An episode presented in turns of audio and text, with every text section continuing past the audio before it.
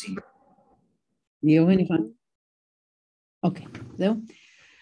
בוקר טוב לכולנו. אה, השמש יצאה היום, שזה מאוד מאוד משמח. אה, אני יודעת שרובנו נמצאים או בבידוד, או חס וחלילה חולים, או אה, היינו ליד מישהו מאומת, או נהיה ליד מישהו מאומת. בקיצור, תקופה בפירוש מאוד מאוד מאתגרת.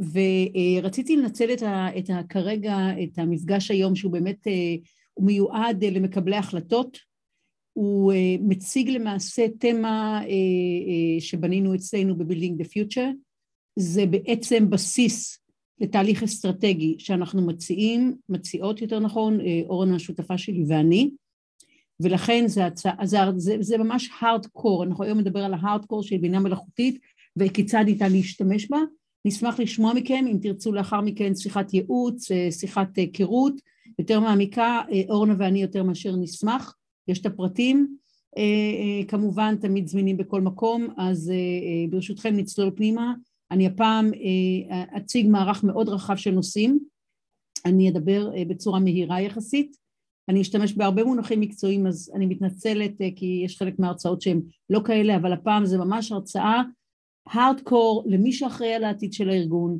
למי שצריך להחליט איך אנחנו נערכים לעתיד ובמסגרת הראייה הכוללת אה, אה, שלנו כאן ב-Building the Future לאיך צריך להיערך לעידן של הבינה המלאכותית. חשוב לציין שגם דיברתי על זה בוועידת גלובס וגם יש מסמך שבנינו כבר אה, לגבי מדינת ישראל, איך ישראל, מדינת ישראל יכולה להיערך לזה, אם מישהו רוצה תשלחו מייל ואנחנו נעביר את זה, אבל כאן אנחנו מדברים לעומק על העולם העסקי ואיך אנחנו צריכים להיערך. אז אני כרגע צוללת פנימה. אה, ליאור, אתה עוזר לי? פנטסטי, נהדר, תודה. אוקיי, זהו. אז בעצם הסוגיה שאנחנו נעסוק בה היום זה כיצד אנחנו יכולים להשתמש בבינה המלאכותית כדי לעשות disruption לארגון שלנו, ואני בכוונה מדברת על disruption כי אנחנו לא, בתקופה של שינוי אקספוננציאלי, אני לא חושבת שאנחנו יכולים להמשיך להסתפק אך ורק בשינוי אינקרמנטלי, כי אה, הוא לא בהתאמה, הוא לא inline עם מה שקורה סביבנו. ולכן אם נמשיך לעבוד אה, אה, באופן, אה, מה שנקרא, בהתקדמות שהיא מאוד מאוד איטית, שהיא מדורגת, שהיא אה, אה, מאוד קלה לעיכול, אבל היא לא מתאימה לתקופה הנוכחית, ולכן אנחנו נצטרך לעשות שינוי ואנחנו צריכים להשתמש בכלי המרכזי שהאנושות אי פעם בנתה, בבינה המלאכותית, אה, כדי לעשות את זה. אז אה, בואו נראה, רגע, אה, המצגת לא זזה, או זזה, אוקיי, בסדר. בעצם מה המשמעות העמוקה של התקופה שבה אנחנו חיים. אה, כבר בשנת אה, אה, נדמה לי 1942 בעצם שומפטר שהוא היה כלכלן מרכזי והתעסק בתיאוריה של הכלכלה ולא רק בפרקטיקה שלה בא ואמר שיש תקופות שמאופיינות במה שאנחנו קוראים Creative Destruction. מה המשמעות העמוקה? המשמעות העמוקה היא שבעצם הישן צריך להיהרס כדי לפנות את מה שנקרא, את מקומו לדבר החדש. עכשיו, חשוב לדעת ששומפטר, אה, האינטרפטציה שלו הייתה מאוד, אה, אה, הייתי אומרת, עגומה ועצובה לנושא הזה, אבל פיליפ אגיון, שהוא אחד מהמובילים היום בתחום של חשיבת לגבי מה זה צמיחה כלכלית ואיך אנחנו מגיעים אליה, הוא נחשב למומחה מספר אחד בעולם הזה, יש לי כמובן הסתייגות תלמידים ממוחים, אבל אני חושבת שחשוב לציין את זה, והוא לקח עם שני הקולגות שלו וכתב ספר נפלא שנקרא Creative Destruction שמסביר את זה במונחים חיוביים אה, אה, מאוד. אנחנו כבר למדנו את זה אצלנו ב-Building the Future, יש לנו כבר על זה מצגת, אני מקווה שבשבועות הקרובים אנחנו נתפנה לתת את זה גם כן לקהל העסקי שלנו. אז בכל מקרה, עכשיו מה שחשוב להבין שמה שקורה כשאנחנו מדברים על Creative Destruction אנחנו כבני אדם, בעיקר הפוקוס שלנו הרגשי והקוגניטיבי יישב על ה destruction. מדוע? כי האמיגדלה, שזה המוח הראשוני שלנו שנמצא כאן, אוקיי, ונועד להגן עלינו, בעצם הוא מה שנקרא מכניזם של surviving, של, של הישרדות למעשה רגיש, רגיש פי שבע או פי עשר, זה לא משנה, יש כל מיני אינטרפטציות למסרים שליליים. וכשאנחנו רואים את המונח Creative Destruction, הדבר המרכזי שאנחנו חושבים עליו זה על ה-Destruction. בדיוק כמו שכרגע, כשאנחנו מדברים על רכבים אוטונומיים, כולם מדברים על זה שלא אה, אה, אה, יהיו יותר נהגי משאיות. ומה יהיה? כי זה אחד המקצועות היחידים בארצות הברית אני לא זוכרת אם מספר 23 או 32 ברשימת המקצועות, בעצם הוא מקצוע מרכזי בארצות הברית, ולמעשה מה שנקרא, מה יהיה עם האנשים האלה? אף אחד לא לוקח בחשבון את העובדה למשל שהתאונות הקשות, ואנחנו מצליחים להרוג 1.3 מיליון איש כל שנה בכבישים, התאונות הקשות ביותר זה כמובן עם משאיות. הדבר השני שאנשים לא לוקחים בחשבון זה שאנשים לא רוצים להיות נהגי משאיות, אוקיי? כי הם, מה שנקרא, זה עבודה איומה, נסיעה מאוד מאוד ארוכה לכיוון אחד, ואחר כך אם אתה רוצה לנסוע במשאית שלך חזרה, אתה בעצם מפסיד, אה, העלויות הן מטורפות ואתה בעצם מפסיד את כל הכסף שהרווחת בדרך, או שאתה צריך, מה שנקרא, לקחת טרמפים, ואז עד שאתה מגיע הביתה אתה כבר צריך לצאת החוצה, והגיל הממוצע של נהג משאית היום בארצות הברית הוא 55, ואף אחד לא רוצה להיות נהג משאית, אז גם לא נכנס, אנחנו, אנחנו שם בחסר שנדמה לי 50 אלף אה, נהגים כרגע, שזה כמובן כמות אדירה. אז אני בכוונה ממחישה את זה דרך דוגמה נורא נורא פרקטית של מה שנקרא המשאיות האוטונומיות שהן כנראה תהיינה הרבה יותר מה שנקרא אה, נכונות לנו בהרבה מאוד מובנים אבל בבקשה זה מה שאנחנו חושבים אנחנו רואים וזה נטייה קלאסית שלנו. ומה שבעצם אני רוצה כרגע זה להפנות את המבט שלנו לקריאייטיב ולעובדה שכל פעם שדבר אחד נעלם ונהרס נולדים דברים חדשים. עכשיו אני רוצה לדבר על כמה מוטיבים שקשורים לזה ואחר כך אנחנו ניכנס לחלק של הבינה המלכותית ואחר כך איך אנחנו הולכים להשתמש בה. אבל זה בעצם הקונטקסט הכללי. הקונטקסט הכללי בא ואומר שאנחנו חיים כרגע בקבוצה, בתקופה יוצאת דופן שנקראת, שאנחנו קוראים לה Creative Destruction. אני חושבת שהתקופה הקודמת שאופיינה אה, אה, בעוצמה אה, שכזאת גם של Destruction וגם של Creative הייתה אחרי מלחמת העולם השנייה. עכשיו מה משתנה אה, דמוגרפיה, אנחנו יודעים כבר שנולד כרגע גיל חדש, 35 עד 75 אמצע החיים החדש, אנחנו יודעים שיש לנו שינויים חברתיים אה, מז'וריים, אה, הגירה, מעברים וכן הלאה, חיי העבודה משתנים, המודל של לימודים, עבודה, פנסיה לא יהיה רלוונטי מאוד מאוד בקרוב, בהתאם לזה תישאל שאלה מאוד משמעותית מה התפקיד של ההשכלה הגבוהה והאם יש לה בעצם, האם יש לה כרגע מקום ואם יש לה מקום כיצד היא צריכה להתאים את עצמה למציאות המשתנה, geopolitics, כל המערך מתחים שקיים כרגע כמובן בין, בין ארצות הברית לבין סין אבל לא רק, הנושא של מה שנקרא עמידות של שרשרת הערך שלנו לשינויים, לאירועים משבשים כמו הקורונה, מה קורה כרגע עם אפריקה מה קורה כרגע עם הפולריזציה שקורית אה, בכל אחד מהמקומות ובטח בארצות הברית מבחינה פוליטית אבל לא רק וכמובן טכנולוגיה, אה, תכף אנחנו נדבר כמובן על 15 הטכנולוגיות המאפשרות שמגיעות לבשלות בעשור הקרוב וכמובן כל השינויים הכלכליים, אה, כל הכלכלה הדיגיטלית שהופכת להיות חלק משמעותי בכלכלה ואפשר עד מחר בבוקר להתווכח עם בלוקצ'יין זה מערכת שהיא סוסטיינבל או לא ומה המשמעות של מה שנקרא כסף שמה שנקרא שהוא בכמות אה, אה, מאוד מצומצמת ומוגדר בראש והאם זה לא יוצר אי שוויון חברתי שונה מסוג חדש זה גם כן דילמה אבל אין ספק שאנחנו כרגע נערכים לשינוי מאוד דרמטי בהקשר הזה. יש לנו אצלנו the Future אה, ניתוח מאוד מעניין של עשר האסטרטגיות שבהן אה, הסטארט-אפים מתקיפים את כל המוסדות הפיננסיים. אה, אם יש כאן אנשים מהעולם הפיננסי שמעוניינים להיפגש ולדבר על הדבר הזה, אורנה ואני נשמח לעמוד לרשותכן. יש גם כמובן כלים להתמודד עם הדבר הזה.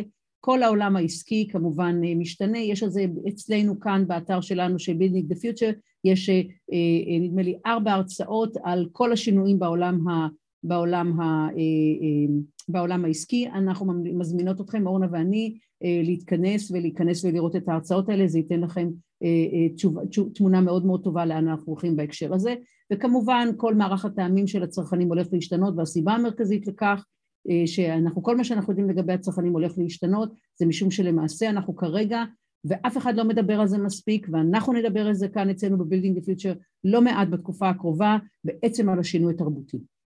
אנחנו כרגע בהתחלת שינוי תרבותי, שבמקביל למה שקרה אחרי מלחמת העולם השנייה, אה, בעצם אה, שיש מה שנקרא אה, תרבות חדשה נולדת כאשר נולד תת מודע קולקטיבי חדש, מתי נולד תת מודע קולקטיבי חדש? הוא נולד כאשר נולדות תובנות קולקטיביות חדשות ונולדו עשר תולדות עשר תובנות קולקטיביות גלובליות חדשות החל משנת 2020 וכרגע למעשה נולדת תרבות חדשה. אנחנו לא רואים תרבות חדשה כאשר היא נולדת, אנחנו רואים אותה עשור אחרי לפחות, אבל אני כבר יכולה להבטיח לכם שאנחנו כרגע נערכים לשינוי בערכים שלנו, בסמלים שלנו, בגיבורים שלנו, בנורמות שלנו אה, ובסגנון חיים ובדפוסים שלנו של התייחסות לעתיד.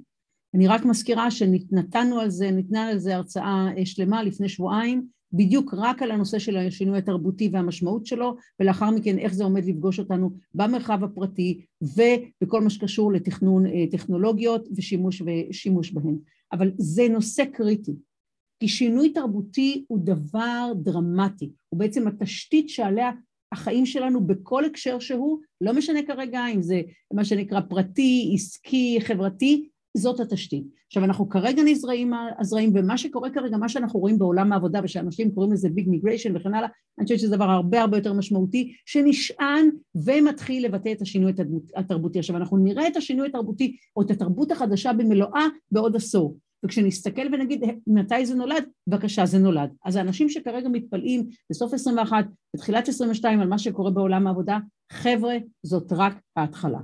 זאת רק ההתחלה וחשוב לדעת שכאשר זה נפגש לנו גם מה שנקרא עם, ה, אה, אה, אה, הייתי אומרת, המעבר הבין דורי, כן, שבעצם יש handoff, handout של דור ה baby boomers למילניום וכמובן לדור ה-Z, הדור המופלא הזה שנכנס כרגע ולאט לאט יצבור מה שנקרא מקום של כבוד בעשייה שלנו, אין ספק שזה רק הולך להאיץ את השינוי התרבותי.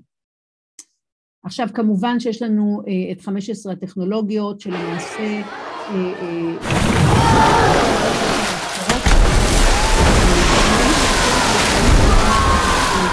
בעצם יש לה השפעה לא רק בגבולות של, של העולם הצר שבו היא נולדה, אלא יש לזה השלכות רבות הרבה יותר. זה המשמעות של טכנולוגיה מאפשרת. אני אתן כדוגמה, כשאנחנו מדברים היום על קריספר, שזו טכנולוגיה מובילה בעולם, בעולם, בעולם הבריאות, ויהיה אחד הכלים המרכזיים, אנחנו מקווים, כדי להיפטר מחלק גדול מהמחלות, בטח ממחלות שהן מה שנקרא תורשתיות, יש לנו 50 אלף כאלה, ועשרת אלפים מתוכן זה טעות של אות אחת בתוך הקוד, הקוד הגנטי שלנו, 6.4 אותיות, טעות אחת של אות אחת, ואנחנו כמובן בצרות צרורות. אז כמובן שבעולם הבריאות זה הולך להיות מאוד משמעותי, אבל אנחנו רואים את ההשפעה האדירה של קריספר בכלל בעולם החקלאות. וחלק גדול מן האנשים שמובילים את התחום בעולם החקלאות טוענים שזה הכלי שבאמצעותו אנחנו נוכל להבטיח מזון לכל מי שנמצא על פני כדור הארץ ואני רוצה להזכיר לעצמנו שאנחנו צריכים להוסיף עוד 868 טריליון קלוריות עד 2030 כדי מה שנקרא לתת מספיק מזון ל-800 מיליון אה, אה, נפש נוספים שכרגע, אה, סליחה, עד 25 שמגיעים אלינו כרגע, מצטרפים אלינו כבני אדם על פני כדור הארץ. עכשיו אז דבר ראשון מה שחשוב להבין לגבי הטכנולוגיות הללו, שהן טכנולוגיות שנמצאות איתנו הרבה מאוד זמן, כשאנחנו אומרים שהם מגיעים לפריים טיים, אני עושה את זה מאוד מאוד בקצרה כי דיברנו על זה לא מעט בהרצאות הקודמות, זה אומר שהן הופכות להיות קלות לשימוש, זאת אומרת ניתן ליישם אותן בקלות יחסית, הן אמינות דיין שזה לא פחות חשוב כמובן, ושהעלויות שלהן הן בירידה אקספוננציאלית ורק כדי לסבר את האוזן, בשנת, אה, אה, בדיוק ב-2000, אה, בשנת 2000 היינו צריכים כדי שנבין איך זה בא לידי ביטוי בתוך החיים עצמם, כדי לבנות סטארט-אפ דיגיטלי אה, אינטרנטי בשנת, אה, אה, בשנת 2000 היינו צריכים חמישה מיליון דולרים, היום אנחנו צריכים בסך הכל חמשת אלפים דולרים ואולי כבר פחות, תלוי על איזה פלטפורמות, כי נולדות כרגע פלטפורמות על הענן שעושות את זה הרבה הרבה יותר מהר. וחשוב להבין שכרגע, אנחנו מדברים כרגע על הענן הקלאסי כרגע של אמזון, לא חשוב, או, או, או גוגל וכן הלאה, אבל אנחנו רגע לפני שהענן הזה יהיה בעצם ענן שהוא כבר על מערכות של תשתית של קוונטום, של נחשי קוונטום, וכמובן G6, וכמובן מערכות של בלוקצ'יין. אז חשוב להבין שכל אחת מהטכנולוגיות האלה עתידה להיות רבת עוצמה, אבל מה שיהיה יותר משמעותי זה המפגש בין הטכנולוגיות והמפגש בין הטכנולוגיות, וזה לא משנה איזה מפגש אנחנו בוחרים. וזה לא משנה אם אנחנו מדברים כרגע על לקחת את ווב שלוש ולחבר אותו עם ביג דאטה, או את האנרגיה עם בינה מלאכותית וכן הלאה, כל מפגש, כל מפגש יהיה מאוד מאוד משמעותי. עכשיו חשוב לדעת שלאורך ההיסטוריה האנושית מעולם לא היה לנו, מעולם לא היה לנו יותר מאשר שתיים עד שלוש טכנולוגיות אה, אה, מהפכניות. מהפכה טכנולוגית נולדת רק כאשר יש מפגש בין יותר מאשר טכנולוגיה מהפכנית אחת. בהיסטוריה האנושית מעולם לא היו לנו חמש עשרה כאלה.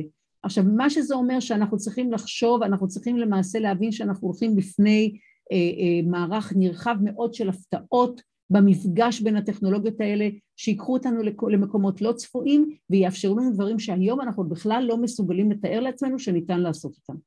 ולכן אני חוזרת ואומרת, חוזרת ומצטטת את המורים שלי, שבעצם העשור הקרוב הוא עשור שבו כמות השינויים שנעבור תהיה דומה בהיקפה למה שחווינו במשך מאה השנים האחרונות. ובמשך מאה השנים הקרובות אנחנו נחווה את כמות השינויים שחווינו ב-22 אלף השנים האחרונות, שזה בעצם התקופה שהיינו מה שנקרא עוד רועי צאן ומלקטים. ולכן אנחנו לא יכולים לחשוב שאנחנו יכולים להרשות לעצמנו בתור מנהלים של ארגונים, בתור מנהלים של מערכות גדולות, בתור מנהלים מובילים של אה, אה, אה, המדינות, להמשיך ולחשוב שאנחנו יכולים לפעול באותה הדרך. זה ממש להחליט שאנחנו מה שנקרא מתנהלים כמו אה, בנות יענה וטומנים את ראשנו בקיר, סליחה בחול ולא מבינים את המשמעות האדירה ושבעיניי המשמעות האדירה היא שיש לנו הזדמנויות. עכשיו אנשים עוד פעם בגלל האמיגדלה ובגלל הנטייה שלנו לייחס לשינוי דבר ראשון לזהות שינוי כסכנה אנחנו מכוונים את עצמנו כל הזמן לסכנה לאיומים אה, אה, לצערי המדיה מטפחת את זה וכן הלאה בואו נתחיל להסתכל על ההזדמנויות, כי ההזדמנויות עולות לאין מונים על האיומים, ולא שאני מזלזלת באיומים, ולא שאני מזלזלת באיומים שטכנולוגיות יכולות לייצר, נהפוך הוא. אז אנחנו כאן, בתור אנשים שמובילים ארגונים, אנחנו צריכים להבין ששינוי מגיע כשאנחנו, מה שנקרא, הוא מגיע רק כשאנחנו באמת מתחילים לחשוב על איך אנחנו עושים, וכשאני מדברת על מה זה, כשאנחנו מדברים על מה זה rethinking, אוקיי, יש לנו שלוש אלטרנטיבות, אחת מהן זה כמובן לשפר את המשחק, השנייה זה לשנות את המשחק, והשלישית זה בכלל ליצור משחק חדש. עכשיו כל אחד צריך לדעת למה הארגון שלו מסוגל, זאת אומרת אני כאן לא מציגה את תמות כלליות, זה, אנחנו לא, זה, לא, זה, זה לא one size fits all, זאת אומרת כאן, בגלל זה נדרשת כאן העבודה האסטרטגית המעמיקה כדי להבין מה נכון אה, לכם, אה, אה, אה, לאן אתם צריכים ללכת, אני בהקשר הזה רוצה להזמין, להמליץ לספר מצוין ש, אה, של BCG שיצא כבר, של בוסטון קונסלטינג, גרופ קונסלטינג שיצא כבר לדעתי ב-2018 שנקרא Your Strategy Needs a Strategy שהוא מצוין כי הוא בא ואומר בוא דבר ראשון נעשה אה, איזשהו ניתוח שבו אומר בעצם איפה התעשייה שלך נמצאת ואז איזה תפקיד אתה יכול לקחת או צריך לקחת בזה אנחנו עושים את הניתוח הזה גם כן עם הלקוחות שלנו אוקיי? ובעצם אנחנו מדברים על סיטואציה שיהיה לנו גם מודל אה, ממש מודל הפעלה שונה למערכת שלנו. יהיו לנו אה, מודלים עסקיים חדשים. אנחנו ניתן בחודשיים הקרובים שלוש הרצאות על המודלים העסקיים החדשים, כי יש מגוון מאוד רחב של מודלים עסקיים שצריך להסתכל עליהם, ובכלל אה, הגדרה שונה של מה זה ארגון. אם אנחנו מדברים היום על ארגוני הדאו, שזה ארגונים מבוזרים שפועלים על מערכת הבלוקצ'יין, שהם בעצם מה שנקרא אנשים שמתכנסים לטובת מטרה ספציפית, אוקיי? שמודל השכר התגמול הוא שונה לחלוטין, רמת הקומיטמנט משתנה והיא מאוד דיפוזית לתקופות וכן הלאה, זה ארגונים לגמרי שונים וזה הארגונים החדשים שעומדים להיוולד. איך אנחנו בתור ארגונים מסורתיים, טובים, חזקים, נערכים לזה? מה קורה אם תהיה לנו מיגרציה של האנשים הטובים שלנו לשם וכן הלאה? אוקיי. חבר'ה, וכל מי שלמד כאן בבית ספר למינהל עסקים בשנות ה-80 וה-90 של המאה הקודמת, הנחת היסוד המובלעת הייתה כל הזמן שאם אנחנו נגיע ל-greater efficiency, זאת אומרת ליעילות תפעולית גבוהה יותר, המצב יהיה יותר טוב. זה לא נכון, זה לא נכון כי אנחנו הולכים כרגע לתת מיקור חוץ, אנחנו הולכים לעשות מיקור חוץ לטכנולוגיה וזה לא משנה כרגע אם אנחנו ניתן את זה מה שנקרא לרובוטים או אנחנו ניתן את זה לבוטים וכן הלאה, יעילות תפעולית זה לא מה שייתן לנו יתרון תחרותי אמיתי בטווח הארוך, זה יתרון יהיה קצר מועד שהמתחרים שלנו יוכלו להעתיק אותו במהירות כי לכולם יעמוד, לרשות כולם יעמדו הדברים האלה ובעלויות נמוכות. ולכן השאלה זה איך אנחנו ממצאים את עצמנו, את התעשייה שלנו, את המודלים בהם אנחנו פועלים. עכשיו ההזדמנות האדירה היא כאשר אנחנו מדברים על זה כמובן לתקן דברים, או לשפר דברים, או לאפשר לעצמנו להוציא את החלומות מהארון, אוקיי? כן, גם לארגונים יש חלומות, לא רק לאנשים, לא רק לאנשים, אוקיי? אז זה ככה רק לתאים פריימוורק, אני חוזרת ואומרת, יש שלוש או ארבע הרצאות, תיכנסו לערוץ יוטיוב שלנו, Building the Future, תראו את ההרצאות, יש שם ממש הרחבה בדיוק איך הולך להיראות העולם העסקי, איזשהו framework, כמובן, חבר'ה, אין לנו אה, כמובן אה, אה, כדור בלודח, אבל אנחנו מציגות שם תמות שכבר אפשר בפירוש להתייחס אליהן, דברים שאנחנו יודעים שכבר הולכים לקרות. עכשיו, למה בינה מלאכותית? למה בינה מלאכותית? למה לא אוי, למה לא אנרגיה? למה דווקא בינה מלאכותית? היא הכלי המרכזי שארגונים היום צריכים לאמץ כדי לעשות את הדיסרפשן לעצמם. אז בואו לרגע אחד נדבר קצת על בינה מלאכותית, אני לא ארחיב יותר מדי, אבל אני רוצה כמה נקודות. זה uh, ציטוט של מנכ"ל גוגל הנוכחי, שחלק מהדברים שהוא עושה הם טובים, חלק מאוד לא טובים, אבל לא נרחיב על זה כרגע. מה שחשוב לדעת שהוא אומר בהקשר הזה, ואני מסכימה עם זה, שבעצם בינה מלאכותית כנראה תהיה לה השפעות והשלכות עמוקות לגבי האנושות, הרבה מעבר מאשר לחשמל ולאש. עכשיו, אני לא יודעת אם היינו במערות, אוקיי? והיו מציעים לנו את שתי האלטרנטיבות של, מה, של אש ושל בינה מלאכותית, אם היינו בוחרים אה, באש, אה, בבינה המלאכותית, אולי, אני, רוב הסיכוי שהיינו בוחרים ב, ב, ב, ב, באש עוד פעם בגלל חוסר היכולת שלנו מה שנקרא להבין את ההשלכות של בינה מלאכותית אבל בנקודת הזמן הנוכחית שמה שנקרא אנחנו לא צריכים כבר לבחור כי יש לנו כבר את האש ויש לנו גם את החשמל סביר להניח שזה הדבר שיצעיד אותנו קדימה. עכשיו אני רוצה להראות את זה רגע אחד כי אנחנו, זה, זה במונחים כלכליים כדי שנבין את המשמעות. ה-GDP הגלובלי שלנו, אוקיי, צמח בעשור האחרון, לא ששמנו לב לזה, מ-66 טריליון דולרים ל-88 טריליון דולרים. יפה מאוד, נכון? נתונים פנטסטיים, אוקיי. אבל בואו נסתכל מה קורה לנו כרגע כשאנחנו מדברים על בינה מלאכותית. אז תראו מה קורה לנו על Deep Learning, רק על Deep Learning, ואני רוצה להזכיר לנו שהולכות להיות לנו, הולכים להיות לנו מודלים חדשים של אה, בינה מלאכותית, לא להתבלבל, לא להתבלבל, אנחנו לא נשארים שמה. מה קורה כשאנחנו מחברים את זה, מחברים את זה למחשבי קוונטום למשל, מה הולך לקרות שמה? הולך, הולכת להיות אקסלרציה של אקסלרציה מבחינת היכולות שלנו. אוקיי, אז תראו מה קורה לנו כאן, תראו מה ה-PC עשה לנו. ה-PC הוסיף 4 טריליון דולרים ב-1998 אה, אה, לתל"ג הגלובלי שלנו, האינטרנט הוסיף 10 טריליון ב-2018, 10 ב-2018, הוא עדיין, זה, אתם רואים, וזה כבר מתחיל, עדיין יש איזה, עדיין יש להם עוד תרומה, כי הם עדיין טכנולוגיות משמעותיות, אבל מה שנקרא, הם כבר בשלות, ו-Deep Learning יוסיף 30 טריליון עד 38, חבר'ה זה לא רחוק, זה 16 שנה מהיום. עכשיו, 88 פלוס 30, תבינו על מה אנחנו מדברים. עכשיו, זה להערכתי, זה הנחות של ארק אינבסט, אוקיי, שאני מאוד מאוד מעריכה ומכבדת. אני חושבת שזה הערכות מאוד, הייתי אומרת, אה, אה, הייתי אומרת קונסרבטיביות, אוקיי? כי אנחנו יודעים ש... כל גל של disruption, כאשר יש לנו חיבור בין הפלטפורמות שמעוררות ומאפשרות את ה-disruption, כנראה שיש לזה מה שנקרא אה, עוד תופעות, מה שנקרא, יש אדוות ולהערכתי זה יכול להגיע גם מעבר לזה. אז השאלה המרכזית זה איך אנחנו הולכים מצד אחד ליהנות מזה, אבל איך אנחנו הולכים למנף את זה לא פחות חשוב. עכשיו, מה, למה בינה מלאכותית מתקדמת כל כך מהר? חבר'ה, יש לנו שתי הרצאות על מה זה בינה מלאכותית. אנא ייכנסו לערוץ היוטיוב, בכלל אני ממליצה להירשם כי אני מקבלת מיילים כל הזמן איך אפשר לקבל. חבר'ה, הכל שם, יש שתי הרצאות בסיסיות, מה זה בינה מלאכותית, איך היא מתקדמת, אה, אה, אה, איך, איך היא מתחברת לטכנולוגיות אחרות, ממליצה להיכנס ולראות את זה. אבל אם אנחנו מדברים כרגע למה בינה מלאכותית מתקדמת כל כך מהר, בינה מלאכותית בעצם כוללת שלושה היבטים, שזה החומרה, הדאטה והאלגוריתם. אנחנו מתייחסים לדאטה, כמו שאומרת ג'נבייב בל המופלאה, היא אומרת לנו שדאטה זה החטא, חטא, חטא, חטא הראשוני, סליחה רק רגע,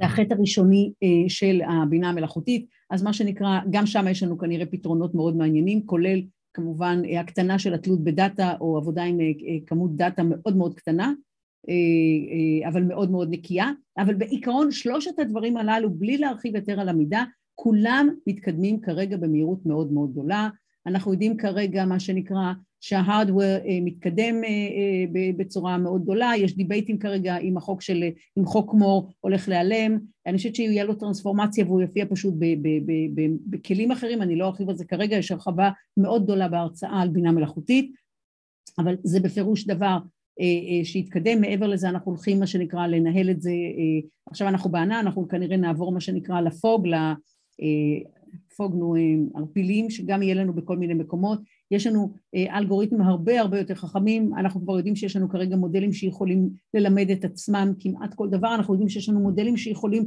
יש לנו מערכות שיכולות לבנות את עצמן, אוקיי? ויש סוגיה של איך אנחנו מטפלים בזה, וכמובן יש לנו את הדאטה אה, שצריך להבין אותה, וכמובן יהיו לנו אלגוריתמים שאנחנו לא נכניס לתוכם בכלל מידע אנושי, שכמובן אחת הדוגמאות זה כמובן מזו של Deep Mind, שלמעשה לא קיבל שום אינפורמציה, לא נשען בכלל על שום הבנה אנושית ובעצם בנה לעצמו את היכולות אה, שלו מלמטה אה, אה, עד למעלה בלי שום ידע אנושי, וכנראה שהאלגוריתם הזה בגלל זה מסוגל להיות הרבה יותר יצירתי מאשר האחים הגדולים שלו, שזה AlphaGo Zero ו-AlphaGo. אוקיי. והסיפור של הדאטה, וכאן תהיה לנו שאלות מאוד משמעותיות שאנחנו יושבים כרגע עם ארגונים ודנים, האם הדאטה צריכה להיות פנימית, האם היא צריכה להיות חיסונית, מה צריכה להיות הארכיטקטורה דאטה, חבר'ה אני לא מומחית לדברים הללו אבל אנחנו יודעים להביא את האנשים הנכונים שידעו לעשות את הדברים האלה ואלה בעיקרון שאלות שבפירוש אה, אה, כרגע נמצאות על השולחן לדעתי בארגונים רציניים. מה שחשוב לדעת כל הדברים האלה בסופו של דבר מאפשרים לבינה מלאכותית להתקדם מהר מאוד. עכשיו בואו תראו זה, ואני מדברת כרגע רק על המהירות ואני לא מדברת כרגע כמובן על האיכות של האלגוריתם וכן הלאה, אבל רק כדי, כמראה מקום, כמטאפורה שמסבירה את קצב ההתקדמות, תראו כמה אנחנו התקדמנו במה שנקרא, ב, ב, ב, רק במהירות של, של הקומפיוטינג, אוקיי? נכון שזה נראה מאוד מאוד מרשים? בואו נזוז רגע אחד קדימה ובואו נראה איפה אנחנו נמצאים ב-29, לא רחוק, אוקיי? נראה קצת אחרת, נכון? תראו כמה אנחנו עוד יכולים להתקדם, שימו לב, שימו לב, אוקיי? זה כמובן כמה, כמה אנחנו מתקדמים ב, אה, ב, בלמידת מכונה, שימו לב, ואני רוצה להזכיר לנו את הנתון שאנחנו שוכחים, שלמידת למידת אה, מכונה, הירידה בעלויות שלה בשנים האחרונות זה 68 אחוזים. 68 אחוזים, תבינו מה זה אומר, אתם מכירים עוד קטגוריה שבה העלות של הדבר הכל כך, וזה עוד מה, ש, מה שנקרא עוד אה, תהליך מאוד מאוד מורכב, הוא בירידה אקספוננציאלית של 68 אחוזים משנה לשנה. ההשלכות הן כמובן אדירות, כי זה אומר שמה שנקרא, זה בדיוק כמו שעם האנרגיה הסולארית הגענו לעלויות מאוד מאוד נמוכות, שלא לדבר על זה שנגיע לשם הרבה יותר מהר עם אנרגיה גרעינית, וזה כנראה יהיה הפתרון, אבל תארו לעצמכם שזה מה שקורה לנו. עכשיו תארו לעצמכם שאנחנו לוקחים את האנרגיה הגרעינית או החליפית הסולארית שעולה לנו קרוב לאפס ואנחנו לוקחים גם בסופו של דבר גם את ה, מה שנקרא את הלמידת, אה, אה, את הלמידת אה, מכונה מה שנקרא בעלויות כל כך נמוכות לאן אנחנו יכולים להגיע. אוקיי, okay, אז בבקשה. אז מה היכולות של בינה מלאכותית? רק כדי לסבר את האוזן, אני לא אכנס כרגע לעומק, אין שום דבר שהיא לא יכולה לעשות.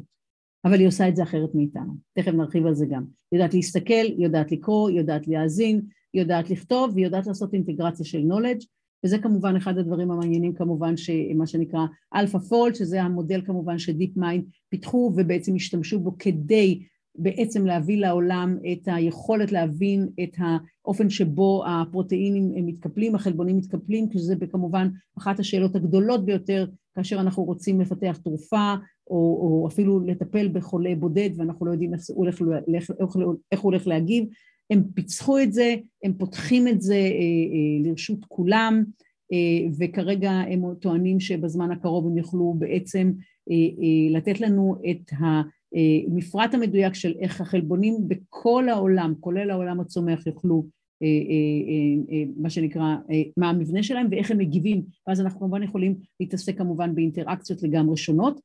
אני רוצה לציין שמה שמעניין לגבי דיפ מיינד, אני חייבת להגיד את זה, דיפ מיינד רכשה בזמנו על ידי אה, גוגל, ומה שמעניין זה שהסאביס, כן, אה, שהוא בעצם אה, הנשיא, האיש שבנה את דיפ מיינד עם החברים שלו, בעצם מנסה להשתחרר כרגע מהאחיזה של גוגל כדי לבנות את עצמו כנון פרופט, כדי לתת את כל מה שהוא עושה למדע. לצערי גוגל עוד לא מאפשרת לו את זה, אני, הוא איש כל כך חכם שאני מקווה שהוא ימצא את הדרך. עכשיו, דבר הנוסף שאנחנו רוצים להבין לגבי, לגבי, לגבי הנושא של אה, בינה מלאכותית, שהוא קריטי בעיניי, עוד פעם ממש סליחה, בינה מלאכותית לא חושבת כמו בני אדם. כאשר יצקו את המונח אה, בינה מלאכותית ב-1956 בוועידת דרמוס, קבוצה של גברים לבנים, כן, שימו לב, לא, לא, לא היה שם הכללה של כולם, בעיניהם הדבר המרכזי היה זה המוח האנושי, כן? המוח האנושי נגדר מה שנקרא כדבר העילאי ובגלל זה הם קראו לזה artificial intelligent והartificial דרך אגב היה מונח פנטסטי באותה תקופה כי אז היה פלסטיק והייתה תחושה שאנחנו, הנה יש לנו פתרונות שלא תלויים בטבע אבל בעצם מה שיפה בעצם ומה שמיוחד בעצם הבינה המלאכותית שהיא לא חושבת כמונו זאת אומרת, היא יודעת לעשות דברים שאנחנו לא יודעים לעשות, היא יודעת לקרוא אה, אה, אה, אלפי ומיליוני מסמכים, ולהפך כל שיש יותר מסמכים היא הופכת להיות יותר מה שנקרא אפקטיבית כנראה, לפחות בנקודת הזמן הנוכחית, היא יודעת לזהות נקודות, היא יודעת להחזיק כמות גדולה של משתנים במה שנקרא, במה שנקרא במנוע של החשיבה שלה, היא יודעת לזהות קשרים שאנחנו בכלל לא מסוגלים לגלות בין דברים שנראים סמויים מהעין וכן הלאה, ולמעשה כמעט אנחנו צריכים לפרסם, הייתי אומרת, אני מצטטת כאן את קווין קיילי המופלא, בינה מלאכותית אנחנו, מה שנקרא, מה שאנחנו אולי צריכים להגיד לה שמה שנקרא, היא, מה שנקרא, היא חסרת חסרת מודעות עצמית, כי כשאנחנו מכניסים אותה לרכב, וזו אחת הסיבות שאנחנו רוצים את הרכבים האוטונומיים, היא לא שואלת את עצמה אם היא השאירה את האוכל על הגז, כן, אם היא סגרה את האש, וכמובן למה היא לא קיבלה את הקידום, אוקיי? זה אחד היתרונות, מה שנקרא, היא הפוכה מאיתנו. אני רק אומרת את זה עכשיו. מעבר לזה, היא יודעת לעשות, לבנות את כל המערך הסטטיסטי. מי שאי פעם למד סטטיסטיקה, אני כל פעם שואלת אנשים שאני פוגשת שלמדו סטטיסטיקה, מי מהם נהנה, כמות מאוד מאוד קטנה נהנית מזה, אוקיי? זה מה שנקרא, זה בשבילה זה חגיגה. סטטיסטיקה זה חוויה, אנחנו לא טובים. המוח שלנו לא טוב בהסתברויות. בינה מלאכותית מצוינת בבניית אה, הצטברויות. הדבר הבא שאנחנו יכולים לעשות באמצעות הבינה המלאכותית, ואני כאן שוב מצטטת את קווין קיילי המופלא, אנחנו בעצם הופכים כל דבר שהוא טיפש לדבר שהוא חכם.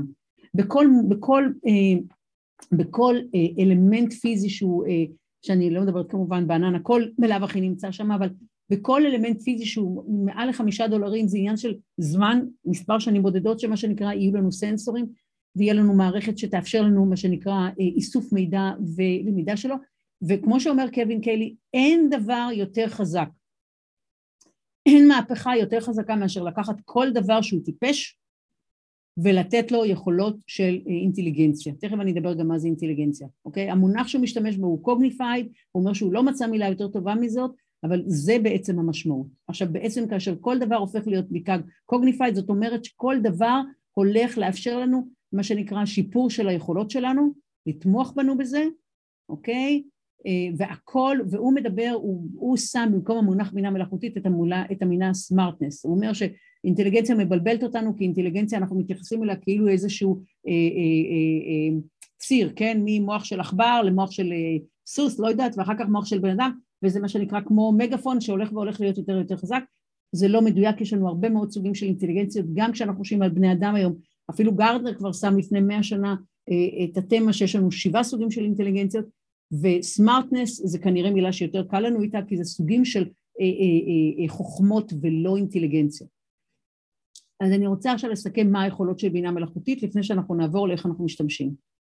דבר ראשון, היא חושבת אחרת מבני אדם. זה סוגים חדשים, היא תאפשר לנו סוגים חדשים של מה שנקרא של חשיבה, סוגים חדשים למי שרוצה בכל זאת לדבר על סוגים של אינטליגנציות, בפירוש סוגים של אינטליגנציה, והוא קורא לזה מאוד מעניין, הוא קורא לזה אה, אינטליגנציה אה, חוצנית, כן, של חייזרים, כי זה יהיה כל כך שונה ממה שאנחנו, אוקיי? ויש מספיק אה, ניתוחים של הדבר הזה, שמה קורה כאשר יש לך אינטליגנציה שהיא לגמרי שונה מאשר האינטליגנציה שלך.